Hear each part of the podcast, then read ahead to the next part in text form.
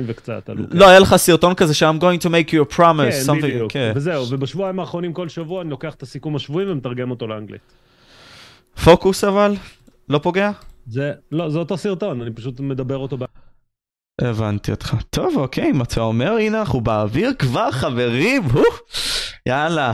אה, צ'אט, מה הולך איתכם? אני רוצה קודם כל להודות למיכה. תודה רבה שאתה הגעת, אחי, מעריך את זה מאוד. Yes, yes indeed, yes indeed. אתה מיוחד. את- אתה... מה זאת אומרת מבוגר? תגדיר לי מבוגר. אתה צעיר. אתה צעיר בנפשך. אתה מדבר כמו צעיר בנפשך. זה במאה אחוז. רגע, מה זאת אומרת לא שומעים את מיכה? אמורים לשמוע את מיכה. חברים, רגע, רגע, רגע, חברים, הכל בסדר, נסדר זאת. הנה, אוקיי, עכשיו תדבר. חד, חד, חד, חד. עכשיו שומעים אותך. מצוין, מצוין, מצוין, אוקיי. יאללה, אוקיי, כן, אז... שומעים אה, אותי, אני בודק, אני במקביל, אתם יודעים, היוטוברים, יש להם קטע, הם בודקים במקביל. אז בדקתי במקביל, הסטרים רץ, אל תדאג, כמו שאנחנו יכולים להתחיל. אנחנו יכולים להתחיל. טוב, בסדר, אז תקשיב, קודם כל, אה, במקום מסוים נתקלתי בערוץ שלך, זה נכון, אה, נראה לי מהרעיון עם שחר כהן, שהיה לפני 11 חודשים, הגבתי לשחר כהן וכל מיני כאלה, ורשמתי לו, תקשיב, וואו, מי זה מיכה הזה? ובמקום מסוים ממש נשאפתי לתוכן שלך, והתעניינתי הרבה יותר בזה שאתה הבאת את זה בעברית באיכות שמעטים הביאו אותה, וכמובן שגם אתה מעניין, אז זה בכלל הוסיף למיקס עצמו. תודה. אני, אני רוצה שבאמת תתחיל ותספר לי את הסיפור של הערוץ עצמו, כי כן, מה שאני יודע עליך זה הדברים הפשוטים, שאתה בן 48, שלפני 7 שנים עשית את הרילוקיישן לארצות הברית, כבר בקבע קנית את המניות שלך והעלית את הסרטון הראשון שלך בשישי באפריל ב-2021. תגיד לי מה זהו, ה vision של הערוץ היה עצמו. זה היה נחמד. סיימנו פה. תספר לי. אה, אז קודם כל, רגע, לדעתי לא שמעו את השלב שאמרתי כל הכבוד על ה- על הפודקאסט ה-200, כי לא שמעו אותי, אז קודם כל, כל הכבוד. מעריך אני את זה. ש... תקשיב, אני אני אגיד לך משהו בינינו. אה, במקרה יש איזה צופה שניים ששומעים. אנשים לא מעריכים מספיק כמה קשה אתה עובד, ואני מדבר עליך, להעלות 200 פודקאסטים עם אורחים שונים. תקשיבו לי, זה סופר, סופר קשה. באמת. אז uh, מי שעוד לא עשה לייק למשה זה הזדמנות מצוינת. עכשיו בוא נדבר. אין עליך מה באמת. אתה רוצה לדעת? לפני שנה וחצי, לא, האמת יותר. קוביד הביא הרבה אנשים להתעניין פתאום בשוק ההון. אנשים שהתעניינו, לא התעניינו, היה להם פנסיה, לא היה להם פנסיה, היה פה, היה שם, כל אחד ואיכשהו הגיע לשוק ההון. אה, ופתאום מצאתי את עצמי יושב עם חברים, משפחה, מדברים על פורטפוליו, מדברים על מניות, מדברים על חברות. ואני מוצא את עצמי מספר את אותו סיפור. למה כדאי החברה הזאת, ומה היא עושה, ומה עושה החברה הזאת, ואיך מסתכלים על הגרף, ואיך פה ואיך שם. ואז אמרתי, אם אני מספר את אותו סיפור ליותר מכמה אנשים, יש את uh, פלטפורמת הברודקאסט הטובה ביותר בעולם, נקראת יוטיוב. תעלה את זה. ואז uh, התחלתי. מאוד פשוט. Uh, אבל התחלתי בצורה קצת שונה. במקום רק uh, להתחיל להעלות איזה משהו עם טלפון, הלכתי וחקרתי מה עושים גיימרים. הלכתי וחקרתי מה עושה מיט קווין. הלכתי וחקרתי מה עושים אחרים. אה, ואמרתי, אם אני עושה, אז לפחות נתחיל את זה כמו שצריך. וקניתי מצלמה, הייתה אז מצלמה אחת, התחברה למחשב, עוד, אה, זה היה עוד בסיסי. אה, ומשם, כמה כבר יש מעל 1,100 סרטונים, לייבים, ערוץ טלוויזיה לכל דבר ועניין. היום, לדעתי, הערוץ משדר, אה, מעבר למשך שלו, חדשות הרבה יותר מהירות מערוצי חדשות אחרים. זאת אומרת, זה ערוץ, בסוף היום זה ערוץ החדשות הפיננסיות בעברית. פחות בירוקרטיה פשוט, שאתה בא ועובר ואתה פשוט בא ומייצר את הסרטון ישירות, אתה עושה אותו גם בלייב בהרבה מאוד מהמקרים, אז ככה זה יוצא. וגם היופי כאן שאתה לא, אני, אני אוהב את זה בך, שאתה לא בא וחותך קטעים, אתה פשוט בא ועושה את זה רו במקום מסוים. אז, אז אני אשתף את הצופים שלך, אני בערך אחרי שלושה חודשים, ארבעה חודשים, הפסקתי לערוך את הסרטונים שלי. הסרטונים שלי לא ערוכים, הסרטונים היחידים שעוד עוברים איזושהי עבודה, מבחינתי זה השיחות שאני עושה עם מרואיינים באנגלית, כי אני מוסיף להם כתוביות בעברית, אז אני צריך להריץ אותם דרך איזה מחולל אוטומטי שמייצר תגובות, תגובות אה, כאילו כתוביות. הסרטון, אני מפעיל את המצלמה, לוחץ record, וזהו. לפעמים הזום עובד, לפעמים הוא לא עובד. הזום הכוונה הזום שאני עושה zoom in במסך. לפעמים הקו נמתח לי, לפעמים לא, לפעמים אני כותב בעברית במקום באנגלית כי זה מסתבך. קורים דברים. לפעמים. נשפך לי הקפה באמצע לייב, הרבה דברים יכולים למי לא. קרה? כן, אבל כאילו זה יוטיוב, זה הכיף ביוטיוב, אתה לא בא מעונב, אתה בא תמיד עם חולצה שחורה כדי שלא יראו את העגלי זיעה. וזהו. אני מספר לכולם את הסודות, נו. את כל... נו, יש סוד אחד שמאוד מעניין אותי, ה-4K בסדר אני מבין, אתה נמצא בחו"ל והרבה יותר קל לך עם Verizon, אני לא יודע מה אתה משתמש שם, אבל הרבה יותר Verizon, קל יש לי שם. Fios, כן. אז זה מצוין, אצלנו בח- בישראל כפי שאתה יודע זה הרבה יותר חרא. עכשיו, בנוגע לכתוביות בעברית, איך אתה עושה אותם?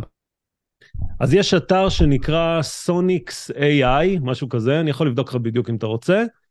אני מעלה את הסרטון, הם מתמללים אותו באנגלית, ואז הם, מתרג... הם מריצים בעצם את כל התמלול שלהם ל- דרך Google Translate, הם מריצים את זה, זה עולה לי איזה שני דולר או משהו כזה לסרטון. ואז אני עובר על, הת- אני מקשיב לס- למה אומרים, אני עובר ואני משתדל שיהיה היגיון. עכשיו איפה אוקיי. הבעיות מתחילות? המודל שלהם בנוי על אה, דובר זכר מול דובר זכר. רק בעברית, דובר זכר מול דוברת נקבה, המגדר משתנה ואז גם אה, אתה רוצה, אה, רוצה ורוצה זה קל כי זה נכתב אותו דבר. אבל את ואתה, אני מתכוונת או אני מתכוון, ופתאום אתה מוצא את עצמך מתקן ומתקן ומתקן ומתקן, אבל בסדר, זה חלק מהעסק. זה חלק מהעסק. עכשיו, אני רוצה עוד יותר לנבור אבל בהתעניינות שלך וההתעסקות שלך בדבר הזה. כלומר, מה הכניס אותך באמת לעניין הזה של שוק ההון, באמת ל- להשקיע כל מיני כאלה? כי במקום מסוים, אתה יודע, הדבר שהכי מעניין אותי זה אנשים. כי אם אתה מבין את האנשים, אתה מבין את כל שאר התחומים בחיים לדעתי. כי בין אם זה כלכלה, בין אם זה איך לדבר בשביל לבוא ולהשיג את מה שאתה רוצה, ועוד הרבה מאוד תחומים אחרים. איך אתה מסתכל על זה, כלומר? מה הדברים שמעניינים אותך בתחום הזה? אה, יש את אני של 2022 ויש את אני, בוא נאמר, של לפני חמש שנים או עשר שנים או עשרים שנה. זה, זה הסתכלות מאוד מאוד שונה על שוק ההון. אני יכול להגיד לך, בוא נתחיל דווקא מהיום, כי אני חושב שזו ההסתכלות אולי הכי עדכנית ומעניינת. בעיניי היום, אם אתה מבין מה קורה בחברות העסקיות בעולם והדרך של זה להתבטא זה בעצם דרך שוק ההון, זה בעצם המונדיאל התמידי שקורה כל הזמן, הוא לא קורה פעם בארבע שנים או ארבע וחצי, אם משחדים את כולם כדי שזה יקרה במדינה כזו או אחרת, אבל לכאורה, לכאורה, לכאורה, אלג'טלי. אחרי הכל אנחנו כולנו. דמויות, אל תבואו ותקשיבו לייעוצים של רבו ונביא. חשוב להגיד. כמובן. בדיוק, אין פה שום ייעוץ פיננסי, הכל אה, דעתנו בלבד. ואנחנו דמויות, אמ. ביוטיוב. תחשוב שאתה כל יום, יש לך כל יום משחקים של הקבוצות הכי טובות בעולם, כל יום. והדרך לשפוט מי ניצח היא מאוד פשוטה. אתה מסתכל מה התוצאה של המניה בהתחלת היום ובסוף היום. עכשיו זה נשמע אולי נורא רדוד כי בסוף זה חברות וכולי, נכון, אבל הסיפור מאחורי החברות, יש סיפור עסקי. כשלפני שלושה חודשים או ארבעה חודשים העליתי סרטון לדוגמה בערוץ שאומר גל הפיטורין הולך להגיע כי לשם זה הולך, לשם השוק הולך. אמרתי, אני גם לא מעלה את זה בכיף, את הסרטון הזה, אני מעלה את זה כדי שאנשים יכינו את עצמם ברמה הפיננ... הפיננסית הפרטית של, של כל אחד בחשבון בנק, כי זה יקרה, ולימים אנחנו מוצאים את עצמנו בחודש הזה, שהוא חודש עם גל הפיטורין, חודש נובמבר, סליחה, חודש שעבר, הוא חודש עם גל הפיטורין הגדול ביותר שהיה מזה הרבה מאוד זמן בחברות tech, שזה לצורך העניין צווארון לבן, זה אנשים שמרוויחים כסף טוב, זה לא... אז דרך שוק ההון, דרך המניות, דרך החברות, אתה בעצם מבין סכסוכים, אתה מבין הרבה מאוד דברים, זה הרבה מעבר ל... אוקיי, המניה עלתה בשלושה אחוז, היא ירדה בחמישה אחוז. זה להסתכל על זה בצורה מאוד פשוטה, כלומר, הרבה מאוד כשהם באו והשקיעו, ואנחנו עוברים לעולם אחר, לקריפטו, אתה יודע, זה מבחינתם מאוד קל, אוקיי? אילון מאסק, סתם דוגמה, נתן טוויט, וזהו, פתאום זה עלה. אבל היופי, לדעתי, בהשקעות ובדברים כאלה, זה האינטרסים. שנגיד סתם באים ומשתבשים לרגע, ואז אוקיי, פתאום אתה רואה החברה והמניה שלה טיפה יורדת, אוקיי, אז מה קורה פה? למה זה קורה? וכל מיני כאלה.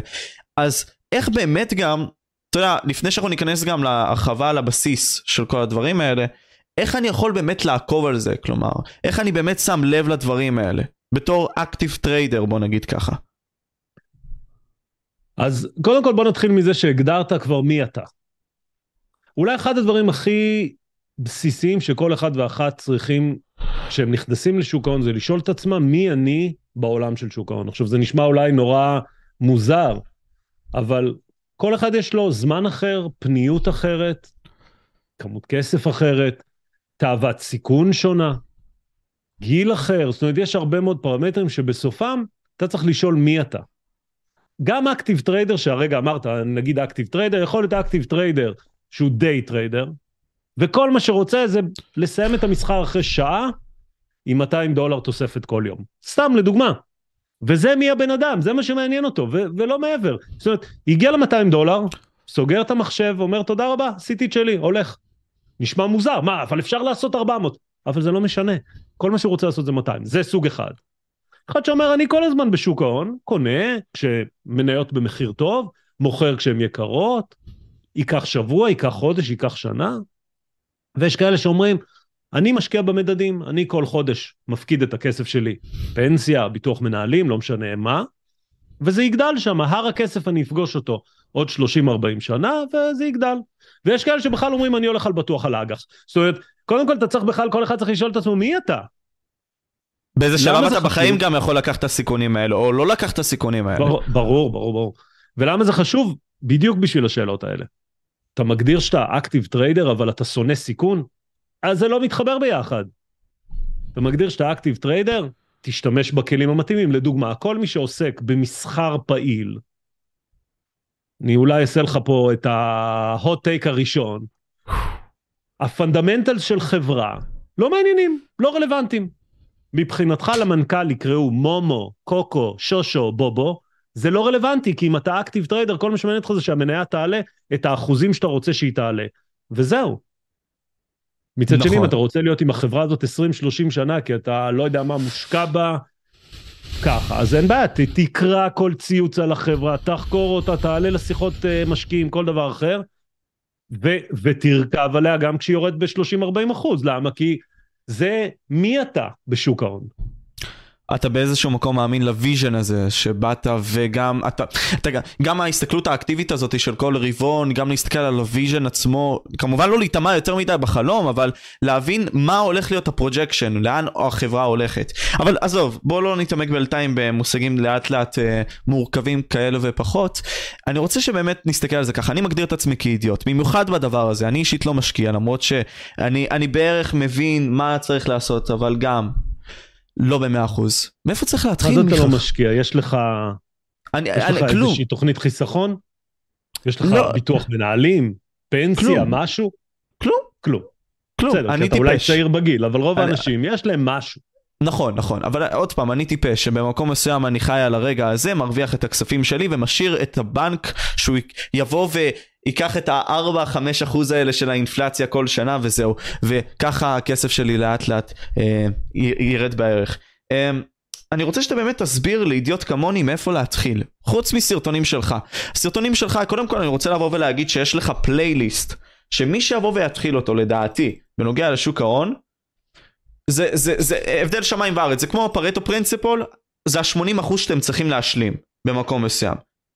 אם אתם באים, ת, תשקיעו בסרטונים האלה, אפילו ה-20%, אתם תבואו ותקבלו את 80% מהתוצאה, שזה מדהים. באמת ממליץ לכם לבוא ולהיכנס. מאיפה להתחיל אבל? כלומר, איך אני באמת יודע, איך באמת לפתוח אפילו את החשבון השקעה הזה? איפה? האם להשקיע דרך הבנקים? סתם בדוגמה לחברות וכל מיני כאלה. מה צריך לעשות, מיכה? אז מה שצריך לעשות זה דווקא, לא, דווקא לשאול שאלה אחרת. או להבין קודם כל למה אתה רוצה להשקיע, אוקיי? שוק ההון היא מכונה שתפקידה לייצר הון לחברות בכלל, לייצר כסף לחברות כדי שיוכלו לצמוח ולגדול, ואז שאותן חברות יחזירו חזרה לבעלי המניות את הכסף, בין אם בתשואת המניה ובין אם דיבידנד. קודם כל אתה צריך להחליט שאתה רוצה להשתתף במשחק הזה, כי אתה מבין שהמשחק הזה יאפשר לך, תקרא לזה משחק, כי בסוף אם אתה יכול לעשות שם פעולות, זה משחק, מאפשר לך או להגן על ההון שלך, אם אתה עושה את זה בצורה נבונה, או אפילו להגדיל אותו על ציר זמן של שנים. בכוונה אני רגע מדבר כשנים. זה דבר אחד. דבר שני, צריך לשאול את עצמך עוד פעם, מי אתה? עוד שנייה לפני שאתה פותח. אולי כל מה שאתה הולך לקנות זה פעם אחת מניה אחת, ואז זה בכלל לא משנה איפה אתה הולך לעשות את זה בבנק או בפלטפורמה, או בכלל אתה עכשיו מפנה את כל אחר הצהריים שלך מ-4 עד 12 בלילה, אתה בוול סטריט, קם אפילו, אפילו בשלוש, סליחה, לא קם, כי אתה כבר בשלוש אחר הצהריים כבר מתחיל להכין את עצמך ל... בכלל, ואז, אתה יודע, הטכניקה של איזה פלטפורמה, זה הדבר האחרון שאתה בכלל צריך לדאוג לו. כולם דואגים לו על ההתחלה, הוא בכלל דבר אחרון, כי פלטפורמה בעיניי זה buy sell, זה שני לחצנים, בזה סיימת. אבל זה מה שבמקום מסוים, נגיד סתם, אני אקח אותך לכשהייתי בן 16 או 17, אני זוכר שראיתי טסלה, וראיתי את מיט קווין, אם אנחנו כבר דיברנו עליו. ו... הוא חשף לי את העולם הזה של טסלה, אני זוכר שהייתי אומר לחברים שלי עוד לפני הרבה מאוד זמן, טסלה זה הולך להיות הדבר הגדול הבא, למה? כי העולם הולך לשם, yeah. העולם הולך ל-electric cars, במקום מסוים אנחנו רואים מדינות אחרות שבאות ומיישמות את זה, לאט לאט, ופתאום עכשיו אנחנו רואים מדינות שבכלל לא רוצות לראות את, התח... את הדלק הזה, לא מעניין נכון. אותם אפילו. אז אני במקום מסוים ראיתי את ה-vision, אבל אני מטומטם, ופשוט, ויש עוד הרבה מאוד כאלה שלא יודעים לאיפה ללחוץ, לאיפה, אפילו הדבר הבסיסי הזה, מאיפה להתחיל. אתה מבין? אז זה למה אני שואל את זה, כי יש אז, כאלה שמבינים את התיאוריות. אז, אז, אז, אני אחלק, אז אני אחלק את התשובה שלי לשניים, אה, כי אתה, אתה מאוד רוצה לדעת איפה, אז uh, יש פלטפורמות, יש פלטפורמות תוך בנקאיות, יש פלטפורמות חוץ בנקאיות, יש, יש פלט, בישראל יש המון פלטפורמות, לדעתי בערך באותה כמות כמו שיש בארצות הברית, כן? להשקיע פחות או יותר. ועשיתי על זה איזה סרטון, לא, שוב, אני לא מנסה לקדם אותו, אבל באמת, יש בנקים, יש, יש ממש מפורט שם, פשוט ייכנסו, אבל יש. זה, כאילו זה לא, אני לא חושב שזו הבעיה. למה? אני רגע רוצה להסביר לך למה בעיניי זו לא הבעיה. החלטת, נגיד היה לך עשרת אלפים שקל, בסדר? אולי יש לך יותר, לא, סתם, לוקח מספר עגול. והלכת okay. אוקיי. עם ה-vision שלך, קנית טסלה. העשרת אלפים, בינואר השנה, היו שווים 50 אלף שקל. מגניב, נכון? הלכת עם ה-vision, סתמת את האף, סתמת את העיניים, עלה ל-50 אלף, אלף שקל. רק היום, כשאתה פותח את האפליקציה, יש לך 25 אלף שקל.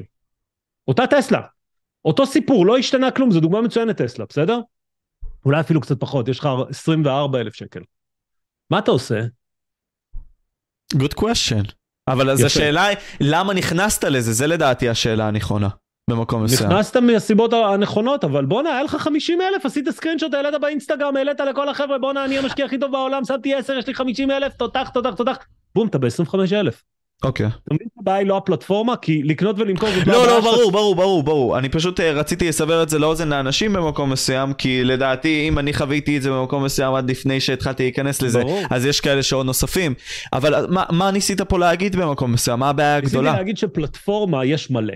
אין בעיה. תתחיל בבנק, אז כן, בהתחלה אולי תשלם עמלה קצת יותר גבוהה, ואז אתה תבין ותעבור לפלטפורמה אחרת. זה, לא, זה לא משנה. כי אתה יכול להפסיד כל כך הרבה יותר מהעמלה שאתה תשלם שבסוף מה להשקיע ואיך להשקיע ואיך לעשות את זה נכון, זה הרבה יותר חשוב מאשר אם אתה תפתח את זה בפפר, במיטב, באינטראקטיב, בטרייד סטיישן, בבנק לאומי, פועלים... באמת, זה, זו השאלה המשנית, היא הרבה פעמים הופכת להיות השאלה הראשית, כי אני חייב לקנות עכשיו טסלה. אוקיי.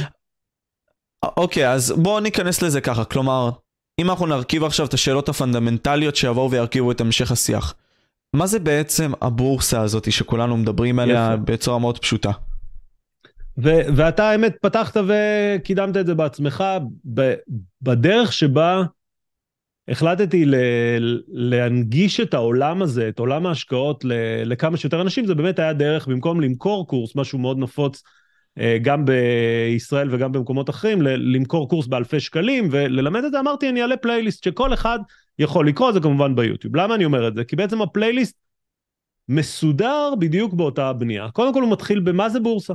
בורסה זה בעצם היכולת של חברות לגייס כספים, ובזכות הכספים האלה, להגדיל את החברה ולהצמיח את החברה. קח אותך ואותי לדוגמה. נגיד אני עכשיו רוצה לעבוד שמונה שעות, שידורים רציפים שמונה שעות. עכשיו, אני לא יכול לעשות את זה לבד, אני צריך עוד עובדים, נכון? אני צריך עוד שדרים, אני צריך לשלם להם. עכשיו, יכול להיות שיש לי מלא כסף, ואז אין בעיה, אני עושה את זה על חשבוני. או שיכול להיות שאני מנפיק את הערוץ בבורסה, מגייס כסף, מהכסף, למה אני עושה את זה? כי שוק ההון אומר בואנה יש פה פוטנציאל, זה הולך להיות הערוץ הפיננסי הכי גדול בישראל, אנחנו נוכל למכור שם פרסומות ו-merchandise ו ו ו זה שווה הרבה מאוד, בוא ניתן לו את הכסף היום כדי שיוכל להגדיל את ה-business, כי אנחנו מבינים מה ה-vision של מיכה, מבינים לאן הוא רוצה ללכת, וככה אנחנו מגדילים. זה מה שחברה, זה הסיבה שחברה נכנסת לבורסה.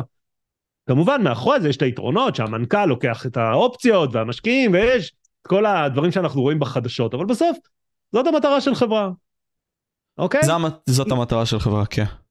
כי תחשוב אתה, לצורך העניין, נגיד אתה בלי שותפים, בלי אף אחד, יכול לקחת את כל הרווח לכיס.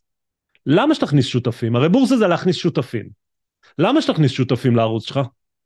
קח את הערוץ, בסוף סיפור. outsourcing, outsourcing, כלומר, אם יותר אנשים יהיו בפול פוקוס על משהו, לדעתי כן. הערוץ יותר יגדל. כן. כלומר, אם נסתכל על דוגמה די אקטואלית, מיסטר ביסט, בא כן. והפך את הערוץ יוטיוב שלו ל-literally כן. חברה, לא עכשיו שיכולים להשקיע בה, אבל שוב, חברה שיש בה מאות של אנשים שהם תחת הרבה מאוד דברים אחרים בשביל להגדיל את הדבר הזה שנקרא מיסטר ביסט.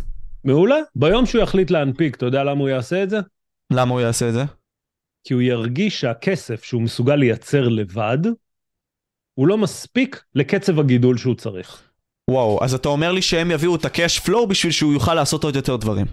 תחשוב, נגיד יש לו, עוד פעם, לך פשוט, יש לו עשרה מיליון דולר בחשבון. הוא אבל צריך מאה מיליון. מה הוא יעשה? הוא יכול ללכת לבתי השקעות, או לגופים, מה שנקרא VCs, Venture Capitals, קרנות השקעה, ולבקש מהם, הם ייקחו את ליטרת הבשר שלהם, יגידו אין בעיה, אנחנו רוצים להיות עכשיו בדירקטוריון שלך, לקבוע לך, אבל תן לנו עשרה אחוז מהחברה, וככה הוא יגייס כסף, אבל הוא הפך להיות מהעסק שלו פרטי לעסק עם שותפים, חלקים אחרים, אחוזים אחרים וכולי, או לבוא ולהגיד, כמו, כמו מרק צוקרברג מפייסבוק לימים מטא, שהוא קובע. הוא הגיע לבורסה, והוא השאיר אצלו את כל זכויות ההחלטה, ויקפצו לו כל המשקיעים, סלח לי על הביטוי, הוא קובע. איך אתה מסתכל על זה? כלומר, אם אנחנו עכשיו נברנו על זה טיפה, אה, על כל העניין הזה של המטאוורס, על כל העולם הנוסף הזה שהולך... קפצת מהבורסה ישירות למטאוורס. לא, כי אמרת לי צוקרברג, כי אמרת לי צוקרברג, אז אמרתי... כן, כי תשמע, בתור אה, נער צעיר, מה זאת אומרת נער צעיר? אני כבר לא אה, בן 19. אני בן 19, כן. עכשיו, אוקיי. יש סביבי הרבה מאוד אנשים שכבר לובשים את ה-VR, שבאים ו... אפילו אומרים לי, תשמע, משה, כלומר, ההרגשה הזאת של VR, בגלל האילוז'ן של העיניים שלי, שאני רואה דברים שהם ממש קרובים אליי, אני מרגיש כאילו באמת אני נוגע בהם, למרות שהם לא נמצאים. אז אם מספיק יעשו את זה מתוחכם, נוכל לחיות בעולם אחר. ובמקום מסוים, הרבה מאוד מהבעיות של העולם שלנו, זה כבר זה שאנחנו חשפנו את עצמנו יותר מדי.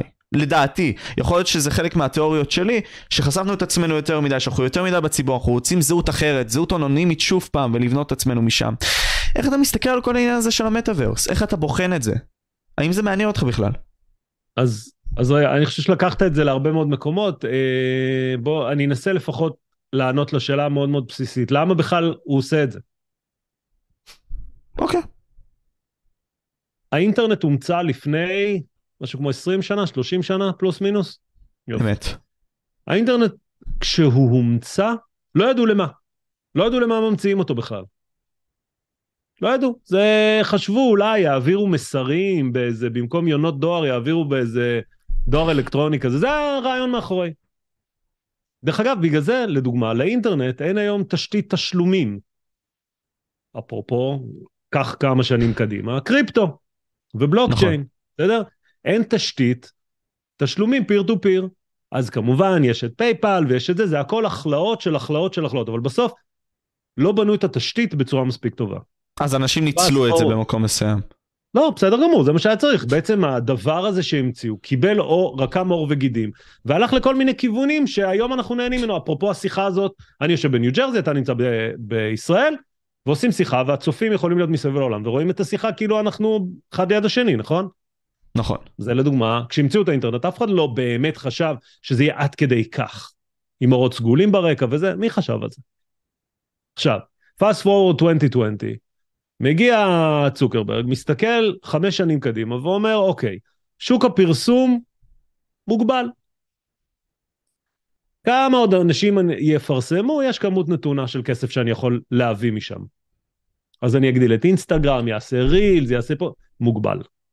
מה אני יכול לעשות כדי לקחת את העסק שלי, שאני אחראי עליו, אמנם הנפקתי אותו בבורסה, אבל אני אחראי עליו, ולהגדיל אותו, לקחת הימור, אבל להגדיל אותו במקפצה אדירה, עם הסיכון, כמו סטארט-אפ, הוא בעצם הקים סטארט-אפ. סטארט-אפ הזה נקרא מטאוורס. זה פשוט הסטארט-אפ הכי עשיר בעולם, זה הכל. אבל זה סטארט-אפ, שכל הקונספט שלו הוא להמציא את התשתית של האינטרנט הבא. התשתית של האינטרנט הבא יהיה המטאוורס. יהיה היכולת שלך, בין אם במשקפיים הנוכחיות של היום, האוקיולוס או משהו אחר, להגיע למחוזות אחרים. אתה תוכל בנגיעת אה, אצבע להוריד אפליקציות, לשלם, לא יודע מה. זה תשתית אחרת לגמרי.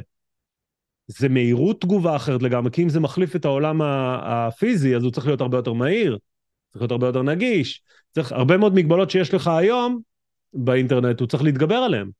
אז בעיני רוחו, ושוב, אני לא, עוד לא מביע דעה אם אני חושב שזה יצליח או לא, בעיני רוחו, הוא בעצם היום שם את התשתית לאינטרנט הבא. לאינטרנט 2.0. לאינטרנט 2.0. התשתית החומרתית והתשתית התוכנתית. כדי להגיע למצב שהוא מערכת ההפעלה של האינטרנט הבא.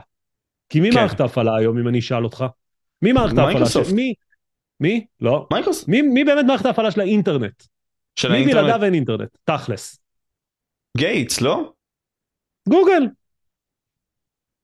עכשיו אוקיי. שאין גוגל, תכלס, אם אין בפועל- גוגל, אין מנוע חיפוש, אין כלום, סבבה, נכון, מסכים איתך. היום בפועל, עכשיו זה לא דיון פילוסופי, אמיתית, היום תחשוב שגוגל מושבת. אוקיי, מה אנשים עושים? שאלה טובה. הולכים למתחרות? הבאות שלהם, אני מניח, אבל שוב. איזה מתחרות? 50% מהישראלים הטלפון לא עובד, אני מזכיר לך גוגל אנדרואיד. אנדרואיד אוקיי. מושבת. איך אתה מחפש משהו? אה, מה, ניסית לחפש פעם במנוע חיפוש אחר? מה, בינג. DuckDuck? איזה, יש כל מיני, בינג, בדיוק, יפה. האימייל שלך, אה נכון, אני לא יכול לשלוח לך אימייל, אתה יודע למה? למה?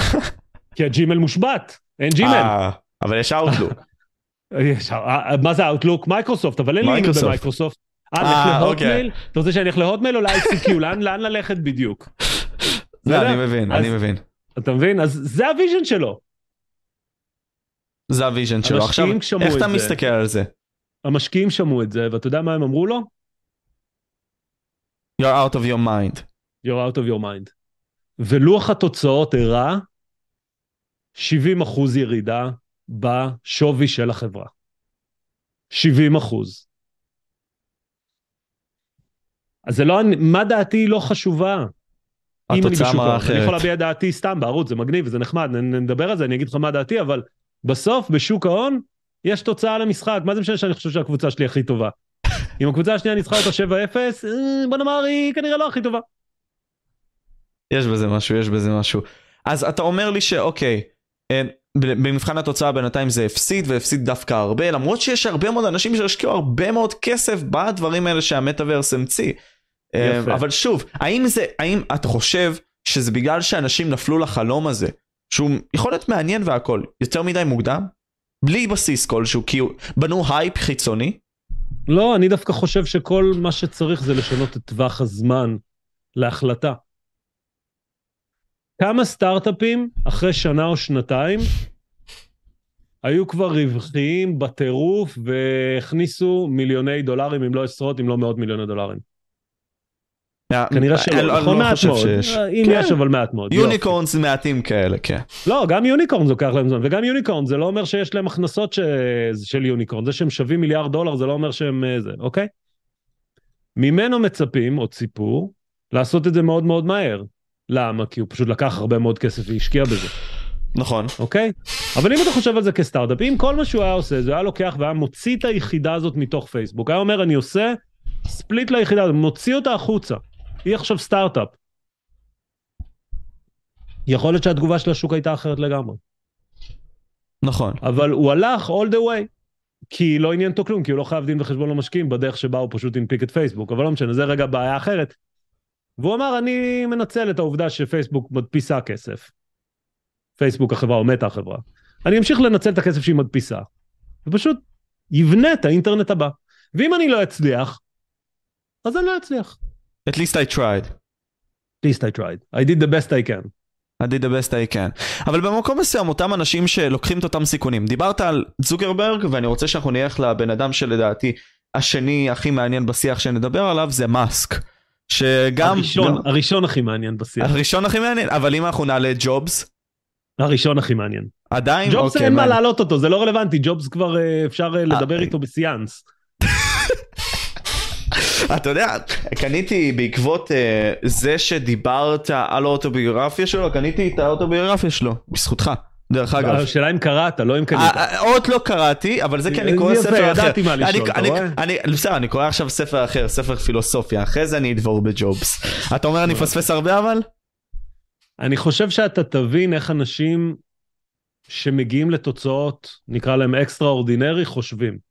ויש המון דמיון בין ג'ובס לבין מאסק. לא סתם וולטר אייזקסון, שכתב את הביוגרפיה של ג'ובס, כותב את הביוגרפיה של אילון מאסק. דרך אגב, Mhm. בכלל בין אנשים פורצי דרך יש uh, הרבה מאוד חיבור במבנה אישיות שלהם. אז אם, לפני שאנחנו באמת נרחיב על זה, כי אני רוצה להיכנס איתך גם אולי להתפלפל איתך על זה, מאסק, אם דיברנו על צוקרברג, עושה מה בא לו, בקטע הזה. כלומר, הולך לטוויטר, קונה טוויטר, לא- לא- אמנם לא במאה אחוז בבחירתו, בלית ברירה באיזשהו מקום, אבל כן קונה אותה. מה אתה חושב קודם כל על ה acquisition הזה, על הקנייה הזאת שהיא הזויה במקום מסוים, שהוא עוד פעם, בלית ברירה בהכרח עשה אותה, אה, והאם זה יפגע בו בפוקוס באיזשהו מקום? איך אתה מסתכל על זה? אני אתחיל בפשוט, כן, זה פוגע לו בפוקוס. עובדתית, אין מה לעשות, הוא ממנכ"ל טסלה, בורינג, נורולינק, ועכשיו טוויטר. וספייסקס. חמש חברות. ברור שזה יפגע בפוקוס. בסדר? רגע, בוא נוריד את זה מהשולחן, יפגע בפוקוס. לגבי טוויטר, אה, אתה יודע מי זה לארי אליסון? לארי אליסון. כמובן. מאורקל. שם מעל מיליארד דולר מהכסף הפרטי שלו, כדי להגיד לאילון מאסק, ראיתי את התוכנית שלך, אני איתך, קח מיליארד דולר. אני חושב שאילון מאסק, בשלבים מסוימים הוא רצה לרדת מזה, לא לרדת מזה, אבל ברגע שהוא הולך על זה, הניסוי שקורה כרגע בטוויטר, ואני אומר את זה בערוץ הרבה פעמים, ומתישהו אני גם אעשה על זה סרטון, כי אני חושב שזה, אנשים מתפתים לקרוא את הכתבות ה... אני אגיד את זה ככה, מעוותות מאוד בעיתונות הרגילה, זה אחד הניסויים הכי מדהימים שקורים בטוויטר, ואני יכול להגיד לך שבגוגל, בגוגל, עכשיו תגיד לי איך זה קשור לגוגל, בגוגל, משקשקים, משקשקים אם זה יצליח. תסביר לי על מה, בוא ניתן טיפה את הקונטקסט אז הרחב על זה, כי יכול להיות שיש אנשים שלא מבינים על מה אנחנו מדברים פה.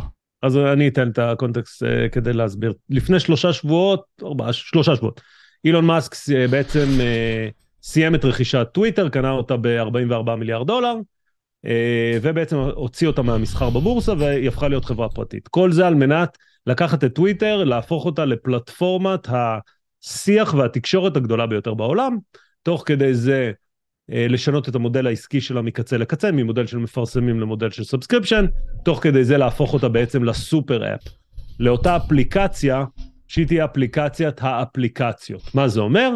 אתה תראה פרסום לנעלי נייקי שאתה תרצה, אייר ג'ורדן, אתה תלחץ, אתה תגיד buy, וזה יהיה בדרך אליך, אתה לא תצטרך לעבור משם לאפליקציה של נייקי, משם להכניס את הפרטים, משם לשם לשם, אולי אפילו תעשה את זה עם בלוקצ'יין, עם מטבעות כאלה ואחרים של קריפטו, אולי עם הכרטיס אשראי, זה ממש לא משנה, אני לא אנסה לסבך את העולם.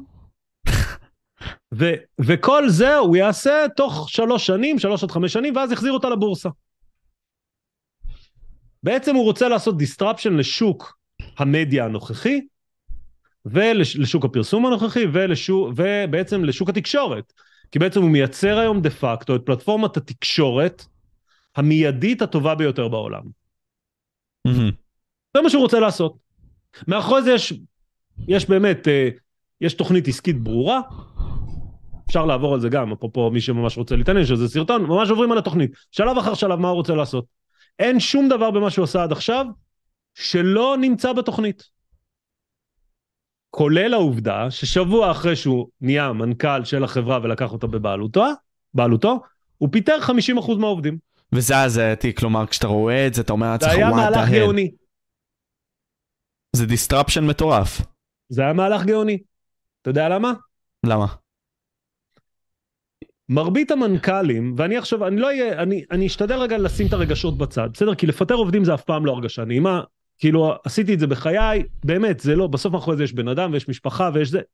אז תניחו רגע את הרגשות, אני, מה שאני מספר כרגע זה לא מתוך מקום ציני וקר, אלא כדי להסתכל על זה רגע מהמקום הכי אקסלי בעולם, בסדר? כאילו, שימו את הרגשות שנייה בצד. אילון מאסק אומר את הדבר הבא. טוויטר חברה מקולקלת. היא חברה שלא הרוויחה אף פעם כסף, הנתונים העסקיים שלה אף פעם לא היו טובים. זאת אומרת, אין, אין על מה להגן ברמה העסקית, להגיד אוי אוי אוי, משהו יקרה, אין מה, זו חברה מפסידה. זאת אומרת, חברה ש... איך אומרים, הוא קנה, אם, אם הוא קנה אותה ביקר מדי, זה אומר שהיא לא שווה את מה שהוא קנה. זה, מראש כולם אומרים שהיא לא שווה כלום, אבל מגנים על זה שהיא לא שווה כלום. זה ממשיך לזה, אז אחד, היא מפסידה. שתיים, הוא נכנס פנימה, הוא אמר לכל המפתחים בחברה, והוא בן אדם מאוד אין זון, הוא לא מאמין בהרבה מנהלים בדרך, עם מבנה מאוד שטוח, מעט מאוד מנהלים, הרבה מאוד אמפאורמנט, העצמה לעובד, בעצם ת, תעבוד, תעבוד קשה, תרוויח, ובזכות העובדה שאתה תעבוד קשה והחברה תצליח, אתה תרוויח הרבה מאוד, כאילו, אתה ממש ת, תהפוך להיות עשיר. אמר לכל המפתחים, תשלחו לי את הקוד, את שורות הקוד שהכנסתם לטוויטר בשלושה חודשים האחרונים. מעניין. נאדה. אתה אומר אנשים, אנשים ישבו רגל על רגל מה שנקרא. אני לא רוצה לפגוע, כי יכול להיות שחלק מהצופים שלך עובדים בטוויטר, ויכול להיות שהם היו בסדר. לכאורה, לכאורה. את הסיפור בצורה נורא קיצונית וצינית וזה, אבל הסיפור, לפחות ממקורות יודעי דבר, אומר שאנשים היו באים ב-11-12. הם היו רואים את מיכה סטוקס לדעתך? אני חושב שהם בדיוק, זה הפריע להם ביוגה או באימון בוקר אה. בג'ים. היו מגיעים, יוצאים ללאנץ', חוזרים מהלאנץ', היו הולכים עם הכלב, לת... אין, אין ברירה. ו- ושוב, אני נורא ציני, אני יודע, אבל צריך להכניס את זה לקונטקסט. היה שם כנראה תרבות עבודה קלוקלת. לגמרי. עכשיו, מנכ"לים רגילים, מעונבים מסודרים, היו אומרים, טוב, תנו לי את המאה ימים, מאה ימי חסד, שזה שלושה חודשים, אני אכיר את החברה, אני אבין מה קורה, ואז אני אשים תוכנית פעולה. כעבור 100 ימים מנכ"לים רגילים היו שמים תוכנית פעולה והיו מפטרים אנשים, בארצות הברית לפטר אנשים זה שבועיים, זאת אומרת שתוך שלושה חודשים כנראה מנכ"ל רגיל מעונב היה מפטר עשרות אלפי, אה, סליחה, עשרות אחוזים מהחברה בכל מקרה. בא אילון מאסק ואמר, אין לי זמן לשטויות האלה. ברורה לי, ברור לי מה הבעיה, ברור לי מה גודל המשימה. בוא נשלם מראש את השלושה חודשים האלה, ונפטר אותם היום. יפה. כלכלית זה אותו דבר. מעשית, בחמש שנים האחרונות, אתה משתמש בטוויטר? אני משתמש בטוויטר. לא הרבה, אבל משתמש. מעולה. בשנה האחרונה איזה פיצ'רים חדשים גילית בטוויטר עד שאילון מאסק הגיע? מעטים. 7,500 עובדים על אפס פיצ'רים? באמת? מעניין, מעניין. יוטיוב עושה אפילו יותר. אז למה צריך 7,500? אולי צריך 1,000, אולי צריך 2,000, אולי צריך 3,000, למה צריך 7,500? חברה מפסידה כסף 4 מיליון דולר ביום. אז הוא בעצם ניקה. את הטפל. כן. הוריד 50 אחוז, שלח אותם הביתה. לשאר האנשים שנשארו, הוא אמר, תקשיבו, אתם מקבלים את אותה הצעה שלושה חודשים, אם לא בא לכם לקרוע את התחת, לעבוד מהבוקר עד הלילה, כולל שישי, כולל שבת, לקרוע את התחת, להפוך את טוויטר לאפליקציה הכי טובה בעולם, קחו שלושה חודש, גם אתם מקבלים, לכו. דרך אגב, זאפוס, אם אתה מכיר, עשו בדיוק את אותו דבר. מנכ"ל של זאפוס בזמנו אמר, אני מוכן לשלם לכם שלא תעבדו אצלי, אם אתם לא הולכים להיות עובדים טובים. עכשיו תראה איך הסיפור נשמע פתאום שונה לגמרי. כן, אה, ה- ה- הקטע הוא ש... וזה לדעתי די בעיה איתנו בתור בני אדם, אנחנו נמצאים במדינת ישראל שהיא המדינה שאתה עוב- עובדים בה הכי הרבה במערב, אין לך כל כך הרבה זמן לבוא ולעקוב אחר אותם דברים, אתה הולך למה שהתקשורת הממסדית נותנת לך ולא מקשיבה לאותם אנשים שמתעסקים ב- בתקשורת החופשית ואני מכליל אותך כבה, אין מה לעשות, אתה בתקשורת החופשית, אנחנו, והם בעצם עושים החלטות על הבסיס הזה והם לא רואים את האינטרסים מאחורי זה, ועל פי כך הם פועלים. אז כשהם רואים נגיד סתם שבטוויטר אמרו והייתה עלייה של אה, 400 אחוז או 500 אחוז, לא יודע מה זה היה בשימוש במילה הזאת שאסור להשתמש בה כלפי עם כאו. ה-N-word, אתה מכיר את עם הסיפור? ה-N-word, כן, אתה לא, מכיר את הסיפור? כן, כן, כן, כן, לא, אבל בכל זאת, לי מעולה להנחתה, אתה מכיר את הסיפור אבל? תספר, תספר אבל, כן, כן, לא סתם העליתי את זה. מי שלא מכיר, אילון מאסק קיבל את אה, טוויטר ביום שישי, ביום ראשון בערב, 20, 44, 48 שעות אחרי, כל החברות הגדולות בעולם שמפרסמות בטוויטר קיבלו דוח על, על, על גידול של 400 או 500 אחוז בשיח השנאה בטוויטר, שימוש ב-N-word, שזה שחור רק באנגלית, שימוש בקריאות אה, גזעניות, אנטישמיות וכולי. הריצו דוח, ראו שעד עכשיו היה סתם נגיד 100, עכשיו יש 140. גידול של 40 אחוז בשיח השנאה בגלל אילון מאסק. והמסקנה, תפסיקו לפרסם בטוויטר. A.K.A. תפגעו במאמצים של אילון מאסק. זה המייל שיצא, זה המכתב שיצא, זה עובדות המקרה. עכשיו בואו ניכנס פנימה. עכשיו איך אנחנו נכנסים פנימה? בזכות יואל רוט ואחרים שכבר לא עובד בטוויטר אבל עובד בטוויטר ושיקפו את המספרים האמיתיים. המספרים היו מאוד פשוטים. ביום הרכישה או כמה ימים לפני קבוצות רדיקליות התגבשו. עכשיו זה נשמע לכם כמו סיפור הכי מדע בדיוני בעולם. באמת אבל זה אמיתי לגמרי כל מה שאני מספר לכם אמיתי. ישבו איפשהו בסאב, בסאב רדיט או משהו כזה, וחיכו ליום שהוא ירכוש. וביום שהוא, רוכ... שהוא רכש, יצאה מילת קוד, ובעצם הקימו אלפי בוטים, הבוטים האלה הקימו אקאונטים בטוויטר, והתחילו לפרסם N-words. ואנטישמי כל מה שתיארתי. אותם גופים הריצו את הדוח 48 שעות אחרי, איזה דוח הם הריצו? הם הריצו את כמות התקשורת בטוויטר. הסתכלו על הצינור. ואמרו, הצינור עלה ב-40 אחוז, מה הייתה העלייה? שיח השנאה. בפועל, לא אתה ולא אני שנמצאים בטוויטר, נחשפנו אפילו פעם אחת לציוץ הזה. למה? כי כל מי שמכיר את טוויטר יודע, כדי שמישהו יקרא את מה שאני כותב, אני צריך שיהיה לי followers. אם אין לי followers ואף אחד לא עושה לי לייק, אני, כות... אני זורק מילים באוויר ואף אחד לא שומע. זה כמו לשיר במקלחת. אתה לא תתקבל לכוכב נולד אם אתה תשאיר במקלחת. אז אותם אלפי בוטים שהוקמו, הוקמו וצייצו אחד לשני וריטוויטו אחד לשני, אבל אף אחד לא שמע עליהם, אף אחד לא ראה את זה אפילו. אבל כשמריצים דוח תעבורה, עלתה התעבורה. וזה לא, זה לא משהו abnormal י, זה לא עכשיו שאף פעם לא היה דבר כזה שהיו אשכרה קבוצות שהתאגדו למען מטרה כלשהי, כדוגמת גיימסטופ סתם בדוגמה. ברור. עשו את זה ברדיט, הלכו ל subreddit, דיברו על זה נכון, בדיסקורדים, נכון, נכון. ועשו את הדבר הזה, אז כאילו זה שזה נשמע אבנורמלי, וכמו שאתה אמרת, סיפור מדע בדיוני שכזה, בפועל זה מה שהיה במבחן התוצאה. אז אתה אומר נכון. לי שאוקיי, הוא ניקה את השומן, אוקיי? הוא רוצה לבוא ולעשות את המהפכה הזאת שגוגל תשקשק, למה היא תשקשק לדעתך? גוגל תשקשק כי בעצם גוגל אה, הגדילה את כמות העובדים שלה מאז, ה... בחמש שנים האחרונות בצורה מאוד מאוד משמעותית. המשכורת שמשלמים בגוגל גבוהה מהמשכורת שמשלמים במייקרוסופט, אם אני לא טועה במשהו כמו 30 אחוז, אני יכול לשלוף את הדוח אם אתה רוצה.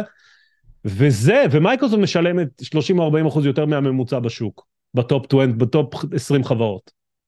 זאת אומרת שגוגל גם יש לה מעל 100 אלף עובדים, אם אני לא טועה 130 ומשהו אלף, וגם היא משלמת משכורת ממוצעת של כמעט 300 אלף דולר בשנה בארצות הברית, שזו משכורת ממוצעת מאוד גבוהה. אם אילון מאסק ב-50% מהכוח אדם, אמרתי גוגל כדוגמה, זה נכון גם לפייסבוק או מטא או למייקרוסופט לכולם. אם אילון מאסק ב-50% מכמות העובדים מצליח להפוך את טוויטר, אם אילון מאסק מודיע בדצמבר שטוויטר רווחית או לפחות לא הפסדית, הבלגן שיקרה בשוק התעסוקה, אתה לא מבין, אתם לא, לא מעריכים אפילו איזה בלגן יקרה בשוק התעסוקה. כי אני לא מכיר דירקטוריון אחד, או מנכ"ל אחד שלא יישב עכשיו, יתפוס את הראש ויגיד, מה אנחנו עושים? אולי אנחנו לא צריכים כל כך הרבה עובדים. אם הניסוי יצליח, ויש פחד מאוד גדול שהניסוי הזה יצליח, וכשיש פחד מאוד גדול, אנשים נלחמים מאוד בניסוי. אז, אז, אז מכאן למה זה ככה? כלומר, האם הגענו למצב שאנשים וחברות, שזה דווקא נראה לי יכול לתגמל אותן, להשתמש בעיקרון פרטו הזה, על לנקות את ה-10% הפחות טוב מהחברה. נראה לי אמזון עשתה את זה, אני לא זוכר. כולם עושים את זה, אינטל עושה את זה כל שנה 5%, זה נהוג מאוד, זה מאוד נהוג להוריד בין 5 ל-10% כל שנה את ה-bottom performance, מה שנקרא, העובדים עם הביצועים הפחות טובים. אבל הוא מדבר על 50%. ו... אז, אז, אז למה זה ככה? למה יש חברות שמצליחות, אפילו גוגל כזאתי, שהן כאלה? כלומר, שיש, נראה לי, על אותו סטייל כמו טוויטר, שיש הרבה מאוד אנשים שהם עדיין כזה שומן. איך, כי... איך חברות יכולות להרשות לעצמן את זה? קודם כל, אתה לא יכול להיות סטארט-אפ לנצח. שזה אומר? טוויטר, טוויטר, או אילון מאסק רוצה להפוך את טוויטר לסטארט, להחזיר אותה להיות סטארט-אפ. סטארט-אפ אומר, אתה עובד מהבוקר עד הלילה, אין שעות, אין זה, לא... זה סוג אנשים אחר. יש סיכון, שזה אתה מפסיד הרבה שעות עם המשפחה, יש סיכוי, אתה מסוגל להרוויח הרבה מאוד בזכות האופציות שלך וכל דבר אחר. מדינת ישראל נהנתה מאוד בשנת 2020 מכל ההנפקות שהיו בחברות ישראליות, בסטארט-אפים ישראלים, אוקיי? Okay? אבל אתה לא יכול להיות סטארט-אפ לנצח. זה אומר שבשלב מסוים, אנשים מתבגרים. היית סטארט-אפיסט לפני עשר שנים, היום אתה כבר בן 30 וילדים, אתה רוצה להוציא אותם מהגן, אתה רוצה לבלות איתם בגן שעשועים, זאת אומרת, החיים פוגשים אותך. ואז הפרודוקטיביות שלך הולכת ויורדת. עכשיו, אם החברה מדפיסה כסף, אם החברה רווחית, אם החברה יודעת לתמהל בין פורעים את התחת לפחות, סבבה. בטוויטר כנראה האיזון הזה היה הרבה עם הפחות ופחות עם הקוראים את התחת. ופה מתחילה השאלה, ולכן למה בגוגל? כי למה אני נותן דוגמה בגוגל? זה נכון גם לפייסבוק או למטא או לכל חברה אחרת שמגיעה לנקודה הזאת במהלך החיים שלה. אמ, זה נקודה שיכול להיות שאתה צריך לשנות, לתמהל בצורה שונה את העובדים שלך, עד כדי אה, לא רק לשחרר חמישה או עשרה אחוז כל שנה. ולכן יש חשש מאוד גדול אם הניסוי של אילון מאסק יצליח. חשש מאוד גדול. אז אתה אומר לי שבמקום מסוים הם מגיעים לעונה כזאת שהם, זה שנת הדוב שלהם, כלומר, הם רוצים להיות באזור הנוחות כי הם עבדו כל כך הרבה קשה, הם יצרו את, ה, את הבסיס הטוב הזה, אז למה להם לעבוד שוב קשה? אין להם אינסנטיב נוסף. אז אתה אומר לי, לפעמים צריך להשאיר את האדמה בוערת. וזאת בכדי שהחברה שוב תמשיך לבוא ולהעצים את עצמה ותהיה רעבה. אבל זה לא קל, אנחנו הרי בני אדם, מין אנושי כזה, שהוא לא כזה. כשאתה מגיע לנוחות אתה לא רוצה לעבוד אקסטרה. ו- ואז נשאלת השאלה האם בניית חברה בצורה הזאת יכולה להימשך על ציר זמן של שנים. ופה אתה מכניס את טסלה למשוואה. כי בעצם טסלה, חברה, כפי שאנחנו מכירים אותה היום, קיימת, בוא נאמר, סדר גודל של חמש-שש שנים. כפי שאנחנו מכירים אותה היום. בחמש השנים האלה, או לפחות מ-2018, כל הדרך לאזור 2020, אילון מאסק כמנכ"ל ישן במפעל. הוא רצה לראות את המשמרות מתחלפות, הוא רצה לראות את זה, הוא הבין שכדי לייצר scale הוא לא יכול להיות מנכ"ל בחליפה ועניבה שנוסע ברכב מנהלים ואוכל במסעדות יקרות עם בנקאים, אלא הוא צריך להיות hands on, לעבוד קשה. מרבית המנכ"לים שאני מכיר הם לא כאלה, עובדים מאוד קשה, don't get me wrong, מאוד קשה. אבל אני לא מכיר הרבה מנכ"לים שישנו במפעל, אה, והוא עשה את זה. עכשיו, כמובן, איזה תואר תדביק למנכ"ל שלא עושה את היציבה כמו כולם עם החליפה והעניבה אלא ישן במפעל, איזה מנכ"ל הוא? לוקו, נכון? אמת. אבל בזכות העובדה הזאת, הוא אמר, רגע, אם אני אייצר פס ייצור כחברה, שלא דורש הרבה מנהלים ולא צריך זה, אלא הוא מאוד רזה, זה יתגמל את המשקיעים. למה זה יתגמל את המשקיעים? כי בעצם מנהלים זה תקורה שהיא לא פרודוקטיבית. אתה משלם, משלם על זה ברווחיות. לעומת עובדים, עובדים בסוף. הם העובדים. עכשיו, מה יקרה אם טוויטר תהפוך להיות כזו, כמו טסלה? זה אומר שיכול להיות שהמודל העסקי של חברות טק צריך להשתנות? אכן כן, הבלופרינט משתנה לאט לאט. יפה. ועכשיו אתה מבין למה טוויטר הוא אחד הניסויים היותר מדהימים שקורים כרגע, כי למול העיניים שלנו, יכול מאוד להיות שקורית המהפכה התעשייתית החדשה בכלל בעולם ההייטק. ויכול להיות שלא, פה... יכול להיות שזה נכשל, ייכשל כישלון חרוץ, don't get me wrong, אני לא אומר שזה יצליח. אני רק אומר, מול העיניים שלנו קורה משהו מדהים, ולכן כל מי שאתה שומע, לא, אילון מאסק, לא מבין כלום, אל תקשיב לבן אדם הזה. כי הם פשוט לא יהיו מסוגלים להכיל את הדבר הזה המטורף, הניסוי הזה שקורה מול העיניים שלנו. נתעכב עוד טיפה על אילון בקטע הזה, כלומר, יש, יש, הבן, הבן אדם הזה, יש מעטים כמוהו בעולם, נקודה, אני מדבר מבחינת המוסר העבודה שלו. אה, ו, ו, ובמקום מסוים, אה, זה מאוד קשה לבוא ולבנות ככה חברה, או עובדים לדעתי, כי לא כולם עשויים מאותו חומר שאילון מאסק עשוי. וזה למה הוא שם את הרף שלו כל כך גבוה במקום מסוים.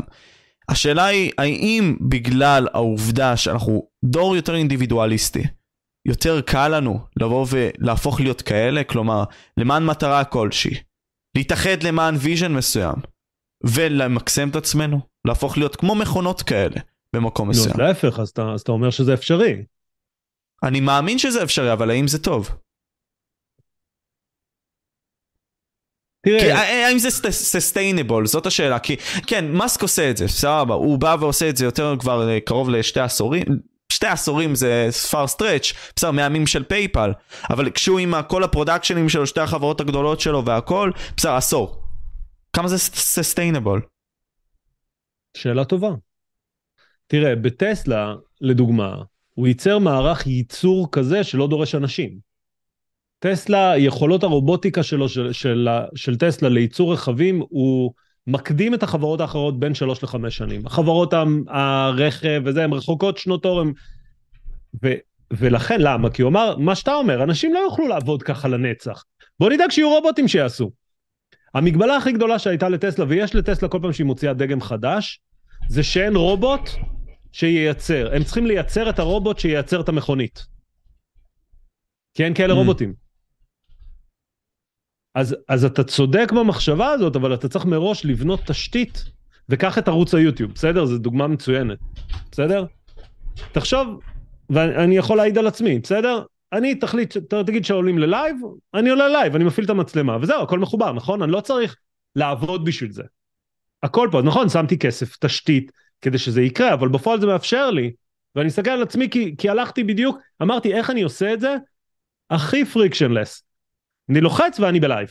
זהו, לא, לא עושה כלום, מפעיל את הבטריה, מפעיל את הזה, אני לא מטעין את הבטריות, הכל מחובר לי חשמל דמי, הכל. הכל יושב פה בשולחן, כלום אני לא עושה. מעכשיו ללייב לוקח לי דקה אולי של המוזיקת פתיחה. שאתה רוקד נכון. עליה. כן, כן. עכשיו יכולתי כל פעם לסדר את המצלמה ולהזיז אותה כי היא בסלון וזה לא מתאים וזה לא נוח וזה וזה וזה. אבל כשאתה חושב בצורת פס ייצור, כשאתה אומר לא רק חשוב הכמות אלא גם חשוב האיכות, כי כאילו תמיד אתה צריך לעשות trade off ביניהם, אני אומר למה צריך לעשות trade off? אז גם הוא חושב ככה. וטוויטר נכנסה פשוט ב- ב- ב- בתוך הזה, זה לא, הוא לא התכוון עד הסוף, זה היה, הוא, התערב, הוא התערב עם חברים שהוא יקנה טוויטר וככה זה יצא פחות או יותר. אבל לא משנה, אבל מטוויטר יצא בעיניי לפחות אחד הסיפורים העסקיים היותר מעניינים לשנים הקרובות, ואתה תראה כשאתה תלמד תואר שני, אתה תלמד על הסיפור העסקי של טוויטר, ואתה תשב בכיתה ואתה תגיד, המרצה, אבל אתה לא מסביר את הסיפור נכון, תקשיב, זה מה שהיה. זה מה שהיה. עכשיו השאלה היא כזאת, אוקיי, כמו שנגיד סתם, אני יודע שאתה לא מדבר על פוליטיקה, כן, אבל בוא, בוא ניקח את זה ככה. כמו שאתה יכול במפלגה, לרוב, בישראל לכל הפחות, בגלל הראש של המפלגה, אין מה לעשות. האם גם כך אנחנו צריכים לבחור את החברות שלנו? זה מעניין, כי לפי מה אנחנו צריכים לבחור את החברות? אני מסתכל על זה בתור first principle כזה, בתור מה אני משתמש. ואם אני משתמש okay. אוקיי. בזה לכל הפחות, אוקיי, אני צריך לראות אם האחרים משתמשים בזה, ואז לראות אם יש עניין בזה, ולמה זה מעניין, ומשם להתפתח. אז קודם כל הגישה הזאת של לחקור חברות שאתה משתמש ואתה מרוצה מהן היא גישה מצוינת. גישה אחרת היא לבוא ולהסתכל על חברות שצומחות, גישה אחרת לבוא, ובגלל זה אני חזר אחורה, כשאלת אותי על איזה, איזה פלטפורמה, אמרתי לך, עזוב, זאת לא השאלה, תשאל, מי אתה כמשקיע? מייקל ברי, אחד האנשים שעשה מיליוני דולרים בקריסת הנדל"ן לפני כמה שנים, השקיע לפני כמה חודשים בחברת בתי כלא פרטיים. אתה היית משקיע בבתי כלא פרטיים? לא מעניין אותי. נכון, לא מעניין אותך, נכון? אתה לא מבין. אבל אם אתה כמשקיע, כל מה שמעניין אותך זה בחצי שנה הקרובה, הקרובה לעשות 20% על הכסף שלך, כנראה השקעה בבתי כלא פרטיים הניבה את התשואה הזו. אתה אבל אומר, אני רוצה להתחבר עם הכסף שלי, את הכסף שלי לתת לדברים שאני מאמין בהם. נכון? דברים שאני מסכים איתם. תגיד, אם אני אגיד לך שיש לי רשת בתי אבות שמדפיסה כסף, היית משקיע בה או לא? הייתי טיפה נובר ביותר ומתעניין, אבל לא, לא הפיוריטה שלי. אבל אתה אומר לי שהיא מדפיסה כסף, אוקיי, אני אראה. מדפיסה, אבל אתה לא משתמש בזה. יש בזה משהו, נכון, זו הסתכלות אחרת, מסכים איתך. בגלל זה אתה צריך להגדיר מי אתה ומה עקרונות ההשקעה שלך. ודרך אגב, אין טוב ורע. זה אחד הדברים היפים בשוק ההון, שזה המקום היחיד שהדעה שלה, שלך, אפשר לשים לה תג מחיר. כי אם אתה חושב שבתי כלא פרטיים יצליחו, אתה קונה ויש לזה תג מחיר, יעלה, שיחקת אותה. לא יעלה, לא שיחקת אותה. אבל איך אתה באמת מגדיר איזה קונה אתה? כלומר, איך אתה באמת בורר, איך אתה באמת מסתכל, איך אתה עושה את זה, כלומר, איך להשקיע נכון, מה זה אומר בעצם? מי, מי, אני חוזר עוד פעם, אם אתה אומר לעצמך, אני רוצה לקנות ולמכור, אני אוהב את האקשן, אז אתה trader. המשמעות היא שהחבר הכי טוב שלך זה הגרף. כל מה שדיברנו עכשיו על המנכ"ל, על הזה, וכן, יש פה אנשים שיגידו, מה פתאום, זה לא נכון. אני אומר, דעתי, כמובן לא ייעוץ פיננסי, לא המלצה, דעתי, כל מה שתעשו, זה תסתכלו על הגרף. כי זה בכלל לא משנה שאני חושב שנבחרת מרוקו תזכה במונדיאל. אם בסיבוב הבא היא תפסיד, מה זה רלוונטי לי שאני חושב שהיא תזכה במונדיאל? אתה מסכים איתי? נכון. המונדיאל זה דוגמה מצוינת לבסוף, יש מבחן התוצאה. מבחן התוצאה בשוק ההון זה הגרף, זה המחיר שבו אנשים מוכנים לקנות את המניה או למכור את המניה. זה אם אתה trader. אם אתה אומר, אני באש ובמים הולך עם חברה מסוימת, לא משנה מה, אני באש ובמים, לא, אני מאוהב במוצר וזה, קודם כל הייתי ממליץ לך לא לחשוב ככה, אבל נגיד, נגיד, נגיד, ואתה כבר חושב ככה, תחקור את החברה. תחקור את. החברה. מה עושים, למה היא עושה, מה היא עושה, וכן, אתה תאכל את הלקרדה בפרקים מסוימים, לפרקים, כן? ולמה זה יקרה? כי מה לעשות, המנכ"ל שאתה מאוד אהבת, קיבל החלטה שלא אהבת, והמניה ירדה ב-20%. אבל אתה אוהב את החברה, מה אתה עושה אז? ואיך אתה עושה deep study כלומר לזה? כלומר, אם אנחנו ננסה עכשיו לבוא ולחקור חברה, סבבה נניח, ואני בחרתי בטסלה. לדוגמה הזאת, בסדר? עכשיו אני רואה את מאסק, דמות מאוד מעניינת, פלפלית, אוקיי, אבל אני לא צריך לבוא וללכת נטו על ה gut feeling שלי שמאסק הוא לא, ברור RDUs שלא. 2.0 או whatever הוא. היום, לא משנה אם אתה בישראל או בארצות הברית או בכל מקום אחר בעולם, או בספרד או באירופה, אתה יכול, יש לך אינטרנט, לחקור היום חברה זה אחד הדברים הכי קלים שקיים, שקיימים. אין יותר הבדל, חוץ מהמוח שלך וההשכלה שלך, בינך לבין המשקיע האגדי הגדול ביותר, כל עוד אתה מוכן לשים את הזמן ואת ההשקעה. אתה יכול לעלות לשיחות משקיעים. אני נסעתי לפני חודשיים לישיבת המשקיעים של טסלה, שהייתה באוסטין. איך, איך הגעתי לזה? פשוט הוכחתי שיש לי מניות, על, עליתי בהגרלה, נסעתי. יכולתי לא לעשות את זה. יכולתי לא לראות את אילון מאסק. אילון מאסק היה מרחק חמש שורות ממני. מדהים. יכולתי לא לעשות את זה. נכון? יכולתי להגיד, "אה, אני לא, מה אני, מי אני, מה. לא. חקרתי, עברתי, לחצתי על הלינק, עשיתי. עכשיו, אני לא מספר על עצמי, אתה יכול לעשות אותו דבר. באמת. כנס לאתר של החברה, תוריד את הדיווחים הרבעוניים. אחד הדברים היפים בשוק ההון זה שהכל, או כל מה שאפשר הוא גלוי. כשאנווידיה, או לא משנה איזה חברה אתה רוצה שהיא נסחרת, מפרסמת דוחות רבעוניים, היא מראה מצגת, המנכ"ל עולה לשיחה, סמנכ"ל כספים מסביר מה קורה, מדברים על הקשיים, מדברים על ההזדמנויות, מדברים על התחרות, יש מצגת, יש זה, אתה יכול להרגיש שבואנה אתה, אני מבין מה החברה הזאת עושה, אני מבין אם כדאי לי או לא. כדאי לי או לא לשים את הכסף שם. לא. מהמם. ומכאן אני שואל את השאלה הבאה. אנחנו, לא אני, לפחות לא הדור שלי במאה אחוז, הדור של פעם, כלומר אה, יש את, אה, מה השם שלו שהוציא את Manufacturing Consent, אני לא זוכר את השם שלו, הוא פילוסוף מאוד ידוע כזה, לא משנה.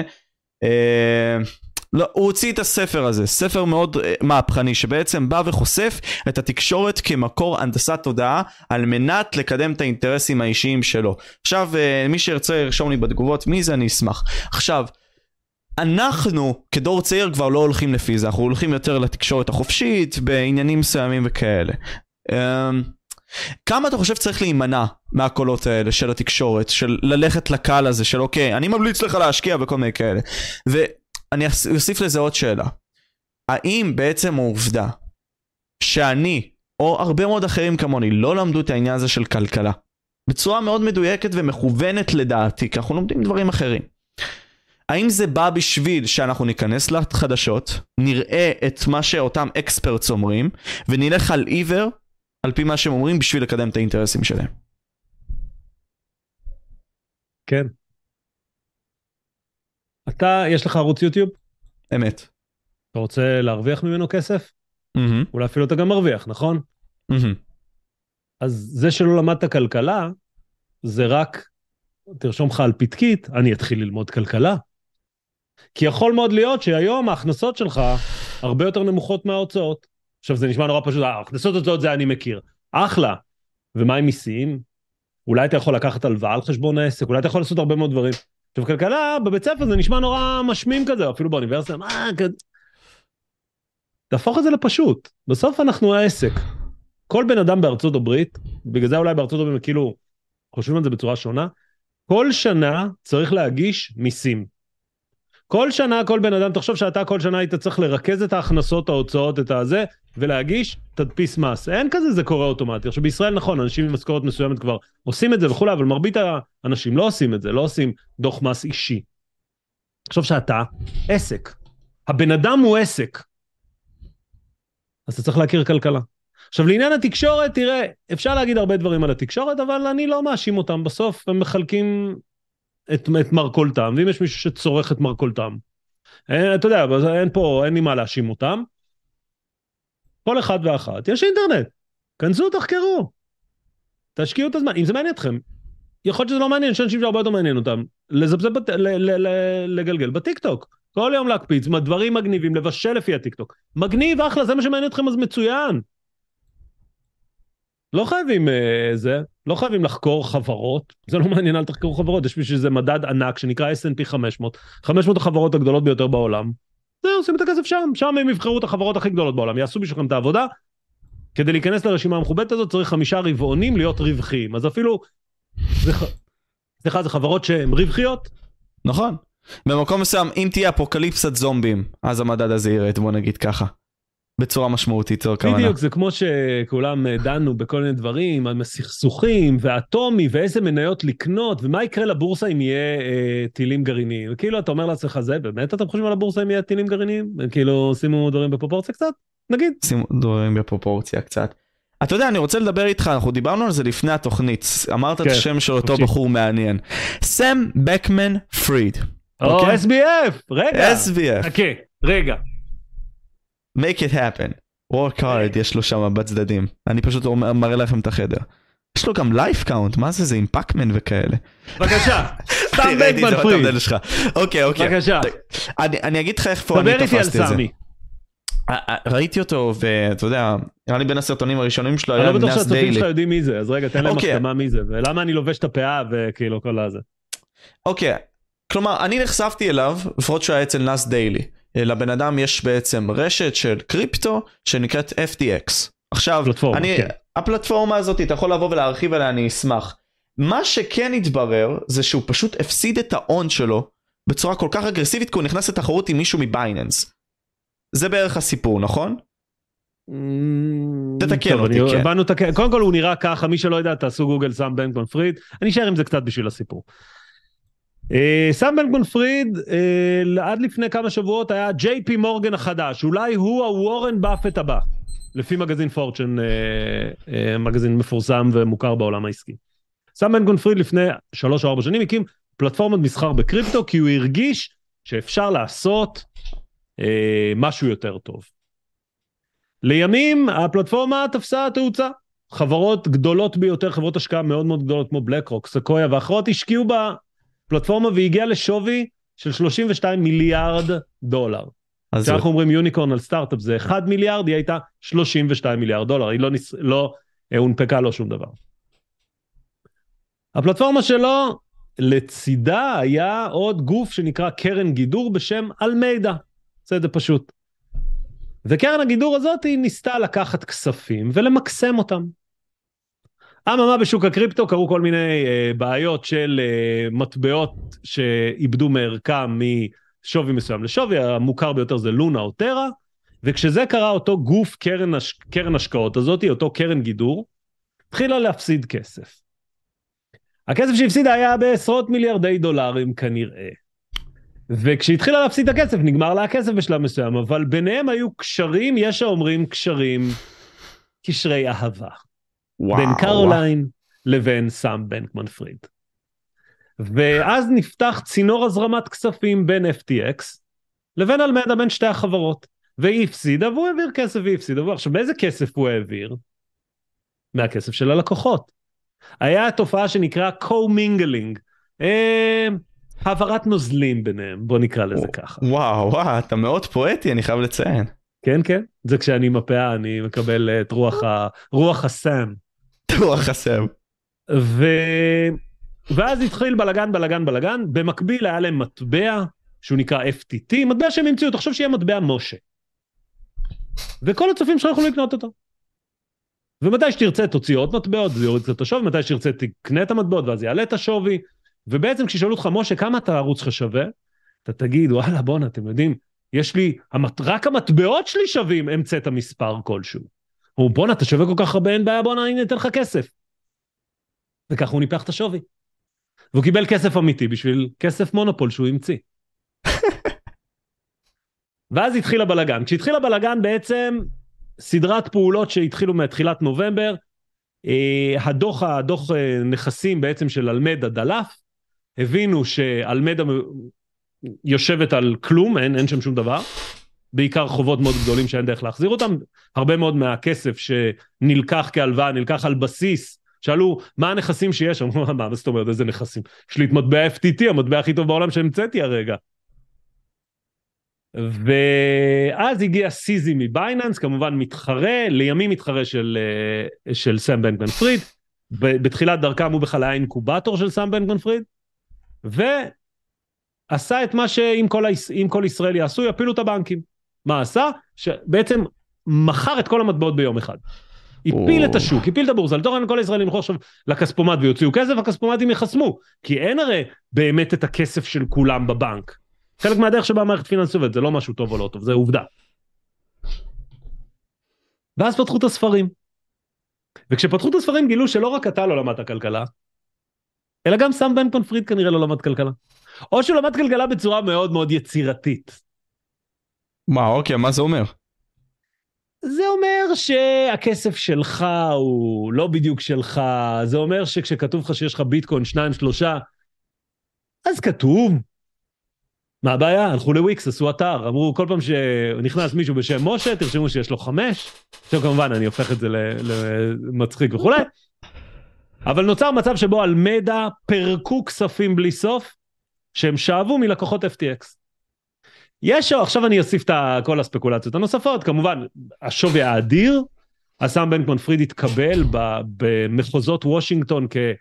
ג'יי פי מורגן החדש, הבנקאי הגדול, הוא תורם לרפובליקנים, הוא תורם לדמוקרטים, התורם השני הכי גדול, חוץ מסורס. התורם השני הכי גדול, שכששואלים אותו הוא אומר תרמתי לשניהם אותו דבר, פשוט לא פופולרי להגיד שתורמים לרפובליקנים, אז להם תרמתי בסתר ולהם תרמתי בגלוי, זה כל הזה.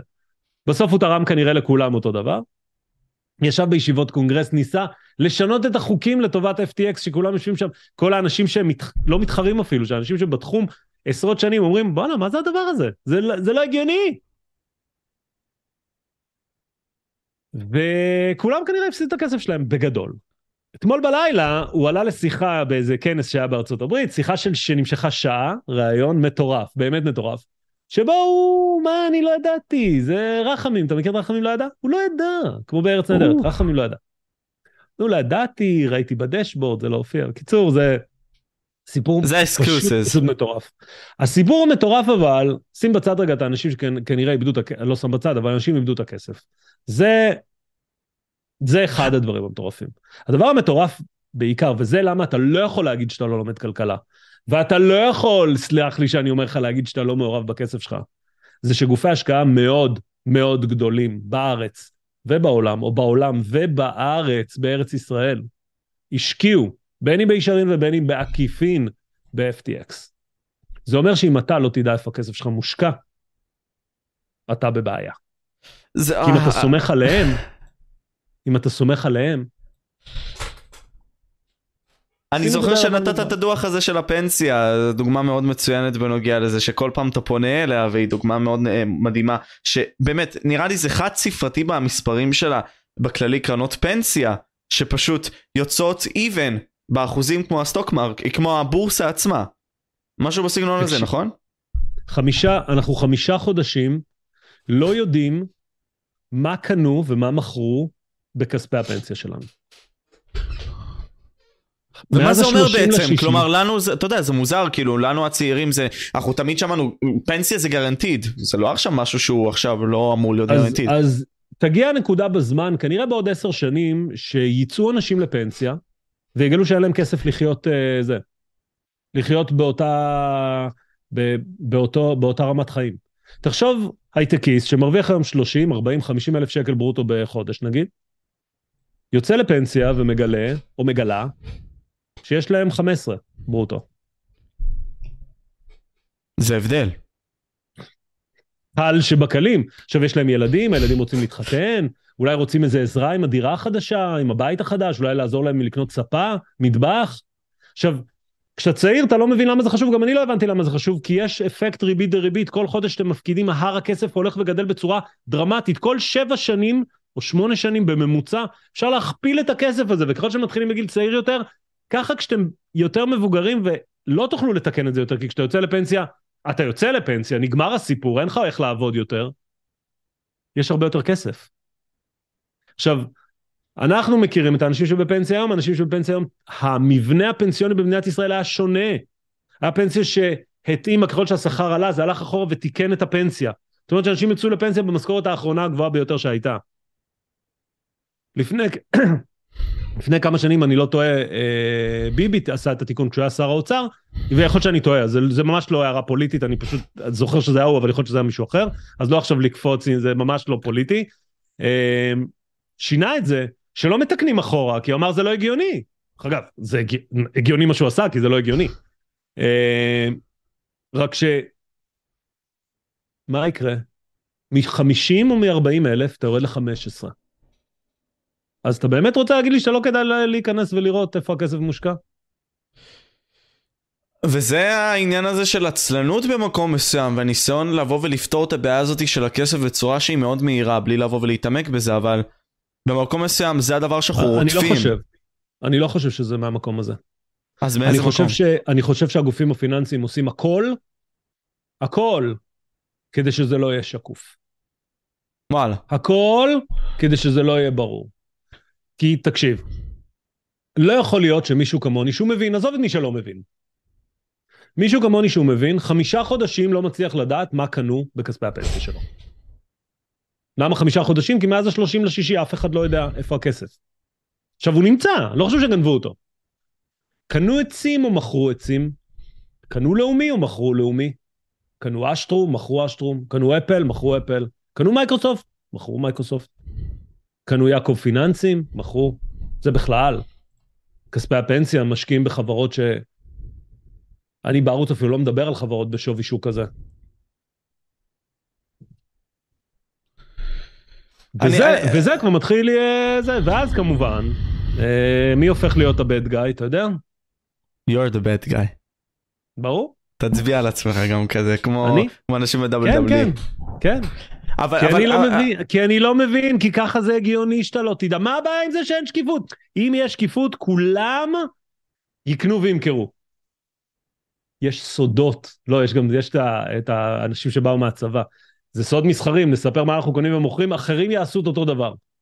אוקיי, אבל אם כבר קניתם ומכרתם, אז מה זה משנה אם יעשו אחריכם? זה רק מראה שאתם לא מבינים בשוק ההון. כי בשוק ההון אם אני אהיה תמיד אחריכם ואתם קניתם לפניי והמניה עולה, אתם תרוויחו יותר ממני. ככה זה עובד. אז זה לא משהו שהוא צריך להיות סוד. זה לא משהו שצריך להיות סוד. אז, אז למה, למה, למה יש צדדים שלא שקופים איתנו במקום הזה, אם אנחנו עכשיו מדברים על קרנות ספציפיות כלשהם, שבמקום מסוים אנחנו מפקידים את הכספים הקשים, שלאורך חיינו אנחנו עובדים כל כך קשה בשביל לבוא ולהילחם למענן, ובמקום מסוים כשאנחנו רוצים לבוא ולהיות בני 65, עכשיו כמובן שהפנסיה בגיל יעלה, כי אנחנו בתוחלת החיים שלנו גם עולים, בסדר, לא משנה, אנחנו רוצים לבוא ולטייל בחו"ל, אנחנו רוצים להביא את הילדים הצעיר, את הנכדים שלנו למקומות יפים, את הנינים שלנו במידה במידה וצריך. מה אנחנו עושים? אתה מבין שיש בעיה. אתה קודם כל בודק במה הכסף מושקע. בדיוק כמו כל דבר אחר. אנשים בודקים על מסך LCD לסלון, קוראים 17 ריוויואים, 80 יוטיובים בשביל 20 שקל, ואז בפנסיה הם מפסידים מאות אלפי או מיליוני שקלים. אני ראיתי פעם אה, באחד, ה, באחד הזה, שמספיק שאתה מעלה את התשואה בזה שאתה משקיע בתוכנית מתאימה שעוקבת אחר המדד, זה מיליוני שקלים בפנסיה, מיליוני שקלים. זה לא ה-200 שקל שחז... שחסכת כי קנית בחי אה, חשמל ולא במוש אה, אלקטרוניקה. אבל צריך, אבל לא צריך לפחד, והם עושים הכל כדי שאתה תפחד לקרוא את זה, כי אי אפשר לקרוא את הדוחות שלהם. גם אני, עד שלא התעסקתי בזה, לא, לא, לא התעסקתי בזה. וזה קשה, אתה לא מוצא את זה באתר, וזה מוסתר, והם עושים הכל כדי שזה יהיה כזה. עכשיו, אני יודע למה, ואני לא, אני פה לא, לא אפתח את הנושא. למה? יש לזה, יש לזה סיבות מאוד טובות למה. אני מאמין שזה גם במדע ככה באיזשהו מקום, שהדברים האלה בהכרח במכוון לא מונגשים לך לפה, כי ירוויחו עליך יותר. ועל פי כך באים ונותנים לך את האפשרות לבוא ולעשות את זה וננצל את זה, אם אתה חברה כלשהי, על חשבוננו ועל בשרנו ועל דמנו במקום מסוים. ואם זה אומר עכשיו שתקבל סרטן, בשביל שנרוויח עליך יותר, ויש countless, אם אתה תבוא ותרחיב על זה, אתה תמצא countless documentaries on this, אתה יכול גם לחקור את זה לבד, אתה תראה את זה. כי ירוויחו נכון. עליך.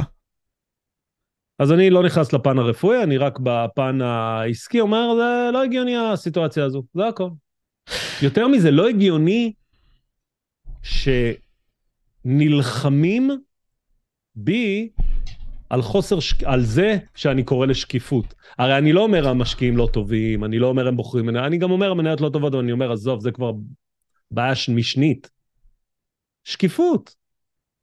פה אני נכנס, עושה login לקרן הפנסיה שלי, אני רואה בדיוק במה זה מושקע. אני רואה באיזה תוכנית, אני לוחץ פנימה, אני רואה בדיוק את המניות, אני רואה מה התשואה שהם עשו, וזהו. אגב, כשיש שקיפות, אתה יודע, אפרופו, לך לטוויטר, בוא תראה איך הכל נסגר לך. תראה מה קורה. ברגע שתהיה שקיפות, ואתה ואני יכולים די בקלות להיכנס לאתר login, user סיסמה enter ואנחנו רואים מה זה, לא נצטרך להתקשר. אם לא נצטרך להתקשר, לא יצטרכו מאות עובדים בשירות לקוחות, לא יצטרכו להוציא 17 אלף מכתבים. אולי הרגולטור יגיד להם, אבל זה כאילו, יוכלו, יקרו, החברה תוכל להתכווץ ב-50 אחוז. תנחש מה יקרה כשהחברה תתכווץ ב-50 אחוז, אתה תשלם דמי ניהול יותר נמוכים, אתה תשלם דמי ניהול יותר נמוכים, אתה תרוויח מזה, אתה תפנה פחות כי אתה תגיד איזה יופי, החברה הזאת מגדילה לי את ההון. אבל מה, צריך מישהו שיגיע ויפתח 50% מהעובדים ויגיד ככה עובדים מעכשיו. וזה אילן מאסק. עכשיו, מיכה, עוד כמה זמן יש לך בשביל שאנחנו נשחרר אותך? יש, בוא, יש לנו עוד רבע שעה. יש לנו עוד רבע שעה, אז אני רוצה להתפלפל איתך בקטע הזה. יש לנו את העניין קדימה. הזה של המשקיעים. וורן באפט, יותר נכון, צ'רלי מנגר, בא ואומר לך, כן. תדאג בעצם לעשות את הלא בשביל להבין מה כן. כלומר, תבין מה לא לעשות בשביל להבין מה כן לעשות במקום. מסוים. עכשיו, השאלה היא כזאתי, אוקיי, אני בא ומשקיע. איזה קוויק טיפס יש לך להימנע מהם בשביל שאני אדע במה כן להתרכז? כי זה הרבה מאוד עניין ת- של פוקוס. קודם כל, אני חושב שלהתחיל להשקיע זה להתחיל דווקא בחברות הגדולות ביותר בעולם. לא בקטנות ביותר. המפתה ביותר זה, בא, אני אתחיל עם החברה הקטנה הזאת, היא תעשה לי 20-30 אחוז. אם היא תעשה לך 20-30 אחוז, זה אומר שיש מישהו שידע לפניך. תתחיל עם החברות הגדולות ביותר בעולם. לך ל-S&P 500, 500 החברות הגדולות ביותר בעולם. הם הגיעו לשם כי ההנהלות שלהם הם כנראה ההנהלות הטובות ביותר בעולם. כנראה המוצרים שלהם הם הטובים ביותר בעולם. תבחר מתוכם, איזה אתה אוהב. תחקור, תלמד אותם, תראה למה אתה אוהב אותם בכלל. מי, מי התחרות נגדם.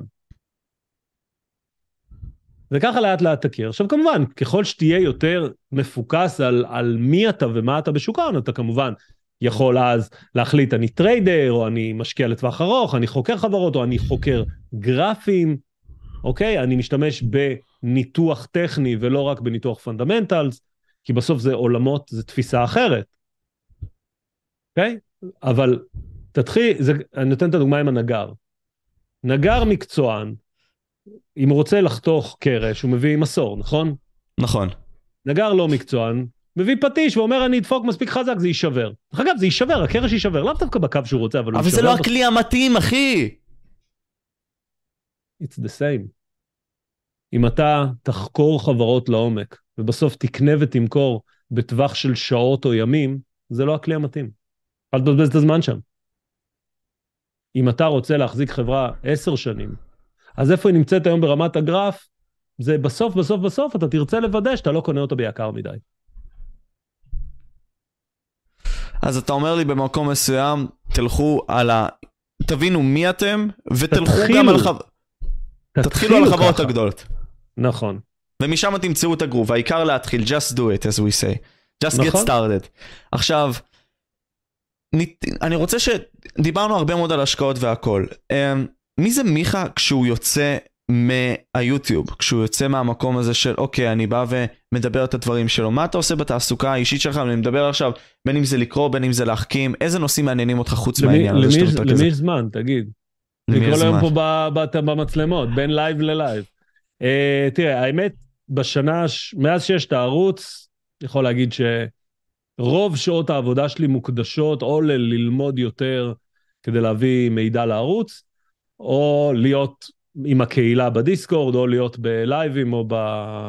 בדברים האלה. מעבר לזה, אתה יודע, יש את החיים הפרטיים, יש לי משפחה, יש לי שלושה ילדים, משם שאני מאוד אוהב, כאילו, אבל כמות הזמן שיש להם מאז שאני בערוץ ביוטיוב הלכה והצטמצמה, הרבה יותר קל להיות שכיר, יש לך הרבה יותר זמן פנוי, מאשר אה, אה, ערוץ יוטיוב. כל מי שחושב שיוטיוב זה קל, תאמינו לי, זה לא. זה, זה, ומה- קל, זה, מה זה קל? זה, זה העבודה הכי מדהימה שהייתה לי אי פעם בחיים, כי היא לא עבודה, אבל uh, זה הרבה מאוד השקעה. מה משאיר אותך אז, למרות המחשבה הזאת שעדיף לך לעבוד בעבודה שאתה לא מרגיש שהיא עבודה, כי במקום מסוים אתה לא רוצה גם להיות מדוכא במה שאתה עושה. אתה רוצה להפריח את עצמך ולהגדיל את עצמך, ובמיוחד זה מגניב שאתה עושה את זה לבד. אז מה מחזיק אותך בעשייה הזאת כל יום? נו, אבל הנה, הגדרת את זה בתחילת? המשפט. תקשיב, זה דבר מדהים מה שקורה. בשנה וחצי קם ערוץ פיננסי ישראלי. זה מדהים, זה כיף. זה אני פוגש את האנשים הכי מדהימים בוול סטריט, מדברים על החברות הכי טובות, אנחנו משדרים ב live ערוצים, אנחנו מבינים, כאילו, זה מדהים. ואת כל זה אפשר לשתף עם אלפי ועשרות אלפי אנשים. מה עוד, כאילו, זה, זה פשוט מדהים. זה פשוט מדהים, ואני רוצה לשאול את השאלה הזאת, כי אתה, אתה, אתה מסתכל על שתי העולמות, וכבר נראה לי הסתכלת על הדברים האלה, שיוצרי תוכן, נגיד סתם, אם ניקח את FTX שוב, לקחו את הספונסרים האלה, לקחו את הדברים האלה, מיתגו את זה והכל. איזה אחריות אמורה להיות לך, כמובן, כיוצר תוכן, כשאתה מעביר את מי שאתה מעביר, כלומר, בין אם זה אה, ספונסרים, למרות שאנחנו לא מרוויחים הרבה מיוטיוב, ספונסרים מסוימים והכל, מה אתה אמור להכניס ומה אתה אמור לא להכניס, ואיך זה יכול להימנע באיזשהו מקום. אני חושב ש-FTX הכניסה את כל היוטוברים, ודיברנו על זה גם אה, בערוץ, לאיזשהו אה, מצב מאוד מאוד מוזר. שהוא גם לא הוגן כלפי יוצרי היוטיוב, אה, יוצרי התוכן, ואני גם אמרתי את זה, אני לא חושב שמישהו מיוצרי התוכן היה צריך לשאול האם לסם בנקמן פריד יש דירקטוריון, והאם יש קשר בינו לבין אלמדה, ואם הכסף זורם. באמת, אני לא חושב שזו אחריות של אף אחד מיוצרי התוכן, לא משנה אם הם אה, בתוכן פיננסי, או תוכן בידורי, או כל דבר אחר. בסדר? כמו ש... אני לא יודע אם אני, מאיזושהי סיבה מישהו יחליט שאני אפרסם חולצות שחורות של חברה כזאת או אחרת, איפה הן מיוצרות ואני צריך לדעת האם הבד אה, אה, מתו פרפרים בייצור. הזה. אני, באמת, כי יש סושיאל פרוף במקום מסוים. יש את הסיבה לסושיאל פרוף. החברות הכי גדולות בעולם השקיעו בו. אז מה רוצים מהיוטוברים? מה רוצים מסת קרי ומתום בריידי? אמיתי. מה רוצים מהם? עכשיו, זה לא שאני, אני לא פרסמתי אותם, אני לא, אין לי, לא היה לי שום קשר עסקי, זה לא שאני מנסה להגן על המצב הזה, כן? אני רק אומר, מה, אפשר בקלות לעבוד על כל אחד. מה, אם עכשיו מישהו מהפלטפורמות הישראליות רוצה אה, אה, לפרסם אצלי, מה, אני עכשיו אבדוק לו את הדוחות? א', כן, אבל, אבל סתם, זה דבילי, נו באמת, מה, כל אחד שירצה עכשיו לפרסם, פוקס רוצים עכשיו שאני אפרסם את הכוס שאני שותה איתה. מה, אני אתקשר לוויזל ואני אגיד לו, שלח לי את הדוחות הכספיים של החברה לוודא ש... נו, זה לא הגיוני. ושאין אצלכם עבדים וכל מיני כן, כאלה. שאתם בעבור- משלמים משכורת מינימום, ובחנות, ברחובות, בקניון, לא, המוכרת לא דיברה לא יפה לזה. נו מה, מה, יש גבול לאחריות של אה, יוטובר. אבל כן, אני חושב שזה העמיד את כולם אה, על המשמר, ובסוף, אם חברי קונגרס אמריקאים קיבלו כסף, מה, יוטובר? באמת? הוא הבעיה? בחייאת. זה פשוט הכי קל, כי אתה יודע, אותנו צולבים כל יום, אז זה פשוט. אשכרה, כן, אין לנו גם את ההגנות האלה שיש לגופי התקשורת הגדולים. תשמע, בוודאי. אני רוצה לתת באיזשהו מקום, אתה יודע, אני שואל את זה הרבה מאוד, הרבה פעמים, את האורחים שלי, כי אתה יודע, מבחינתי אני, שוב, איזשהו אידיוט בעולם הזה, ומגניב שיש קהל של צופים שמקשיב לשיחות האלה שאני בא ומציג, כמובן כל פעם שאתה שהאורחים אומר את זה, מעניינים והכל. מעצבן אותי, אתה יודע? כל פעם שאתה אומר שאתה אידיוט בעולם הזה, זה מעצבן אותי. אבל, אבל אני לא אסביר לך. למה. כן, כן, מי- אני אסביר לך מי למה. ידאג לך?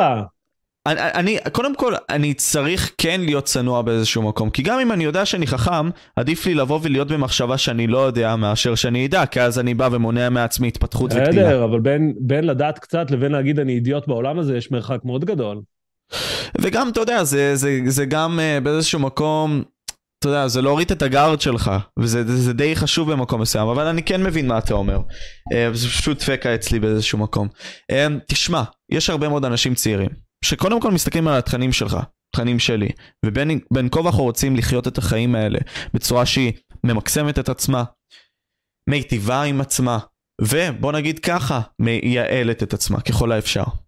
ואפשרי לראות את זה בתכנים שלך, ושוב פעם, אם אתם לא עקבתם אחרי מיכה, למרות שאני מאמין שהרבה מאוד מכם כן, אני רוצה לשים את הלינק פה בערוץ שוב, שתיכנסו והכל. איזה עצה יש לך לאותם אנשים צעירים שרוצים כן להשפיע על העולם ולתת לעולם? קודם כל, לא לפחד משוק ההון. זה שהם מסבירים שצריך להיות מומחה גדול, זה קשקוש בלבוש. בסוף, זה עולם מרתק על חברות שאנחנו משתמשים בהן כל יום. אם אתם אוהבים את הנייקי שלכם, תכנסו תראו מה חברת נייקי עושה, מה הקשיים שלה, למה סין ובלאגן בסין משפיע. תעשו, זה מעניין, זה אחד הדברים שאני משתדל בערוץ לנסות להביא את העניין, את הסיפור מאחורי מה שקורה בשוק ההון. כי אני אגלה לך סוד, בלקרוא דוחות כספיים, לא אני ולא אתה, נהיה יותר טובים מבוגר Ivy League שעשה MBA וחוקר חברות למחייתו. לא נהיה. אבל יש לנו את היכולת להסתכל ולהגיד, בואנה, כל הילדים בכיתה, או כל הילדים בפאב, כולם עם נייקי, לעומת כולם היו עם נייקי ועכשיו הם עם אדידס. הופה, יש בעיה. בואו ננסה להבין מה הבעיה. למה אני משקיע בחברה שאף אחד לא נועל את הנעליים שלה יותר? יכול להיות שיש בעיה. זה הופך להיות משהו הרבה יותר, ה-day to day שלנו, החיים שלנו. רגע, טסלה מוכרת כל כך הרבה מכוניות בישראל, למה כלכליסט אומרת שנגמר הביקוש לטסלה וחודש אחרי היא מספר אחד במכירות? יכול להיות שכלכליסט, מה שאני קורא בו הוא אפס מעוות לטובת המפרסמים שלה? יכול להיות שאני צריך לשים לב יותר uh, דברים כאלה? אוקיי, אז זה, זה פתאום הופך להיות הרבה יותר מעניין. אז אתה אומר לי להפעיל... כן, להפעיל critical thinking. נכון, לא critical, גם סתם אה, סקרנות אפילו, לא קריטי, אל תבקרו את החשיבה שלכם, תהיו סקרנים. אז למה אמרת טיק טוק? למה ארצות הברית רוצה לחסום את טיק טוק? כי זה פוגע באנשים שלה באיזשהו מקום לדעתי. איך זה פוגע באנשים, אתה יודע? הם נשאבים, התשומת לב שלהם נמצאת יותר מדי על הטיק טוק, וזה לא טוב יפה. באיזשהו מקום. אתה יודע שהאלגוריתם של טיק טוק בארצות הברית שונה מהאלגוריתם של טיק טוק בסין? אה, בסין הם מראים לדעתי את ראש הממשלה שלהם, שי ז'ינג פינג, ואת כל הדברים הטובים שלהם שם. הם מראים תכנים חינוכיים לילדים. הם מראים תכנים שלא ישחיתו את המוח, ואין לי ביקורת לטיקטוק בכלל, אני מאוד נהנה ממה שקורה שם, כן, don't get me wrong, אבל הם מראים תכנים, תכנים חינוכיים, הם רוצים שמי שצורך, כי הם מבינים שמי שצורך את זה, המוח שלו עוד מתפתח, יתפתח לכיוונים חשובים. עכשיו כמובן אפשר להגיד, כן, הם גם בולשים אחריי, אוקיי, ישמעו אותי, אה, שי אתה מניאק, נו מה, מה, כאילו, מה זה, מה זה ייתן לו? כלום, נכון? אבל זה משהו שמעניין, נכון? דרך אגב, אם יחסמו, איזה חברה תרוויח מזה? שמעניין. פייסבוק, פייסבוק, אינסטגרם, סנאפצ'אט, נכון? אוטומטית הם ירוויחו מזה, או? אז רגע, אז יכול להיות שאם אני אשמע שהם חוסמים, כדאי לי לנצל את זה כי אולי בכלל אני אתחיל להסתכל כבר, כי מניית פייסבוק, אם היא תתחיל לעלות בצורה משמעותית, או מניית סנאפ, יכול להיות שזה בכיוון, כי מישהו תמיד יודע יותר טוב ממני, ותראה איך פתאום הסיפור הזה נהיה הרבה יותר מעניין מסתם חברות להתעסק בהם וכולי. הבנתי אותך, באיזשהו מקום גם זה להבין את רוח התקופה. כאילו, לפי מה שאמרת. זה חשוב, לא, לא, להרגיש את הזרם הזה וללכת איתו. תשמע, אני מרגיש שהשיחה זרמה לחלוטין ונהנית איתך מאוד, מיכה. מקווה שהצופים נהנו. תשמע, אני מאמין שכן, אני מאמין שכן. קודם כל, צ'אט, כמו שאמרתי, תיכנסו לערוץ של מיכה, אני מקווה שקיבלתם הרבה מאוד ערך מזה. הזמן הממוצע של הפודקאסט הזה הוא די גדול, אז אני מניח שצופים נהנו, וגם הם רושמים, מתחילים לרשום שהיה טוב והכל. Uh, תגיד לו צ'יקו נהנה, אמרתי. Uh, טוב, תגיד לצ'יקו מיכה... שהוא מפריע לי במהלך לייבים כל פעם, שהוא שולח לי דברים בטוויטר. שהוא שולח לי דברים בטוויטר. תשמע מיכה, uh, קודם כל אני מאוד מעריך אותך, תודה רבה שהגעת לפה, ומקווה שנתנו ערך טוב לאנשים אחי. אני גם מקווה, אני מקווה שנהנו, ואולי בפה, באחד מהפרקים העגולים הבאים, uh, ניפגש שוב. אינדיד. 200, יאללה, ברכות, שוב. 200, כל רבה. הכבוד. תודה רבה, ואצלך זה כבר להמשיך, אתה יודע, לה, להתמדה הזאת, כי כל עוד אתה תתמיד ואתה תיתן את מה שאתה עושה וטיפה תשתפר כל פעם. אני מקווה שאתה תהיה גוף תקשורת די גדול, וגם תביא איתך אנשים וזה יהיה גדול כזה. אתה יודע, זה העתיד באיזשהו מקום. זה כבר ההווה, אנחנו פה. אנחנו פה. טוב, יאללה, היינו פה. יאללה. אני הייתי משה, אנחנו מדברים פודקאסט, וזה היה מיכה מהערוץ, מיכה סטוקס, תעקבו שם והיינו פה. ביי. ביי. יאללה, מצוין.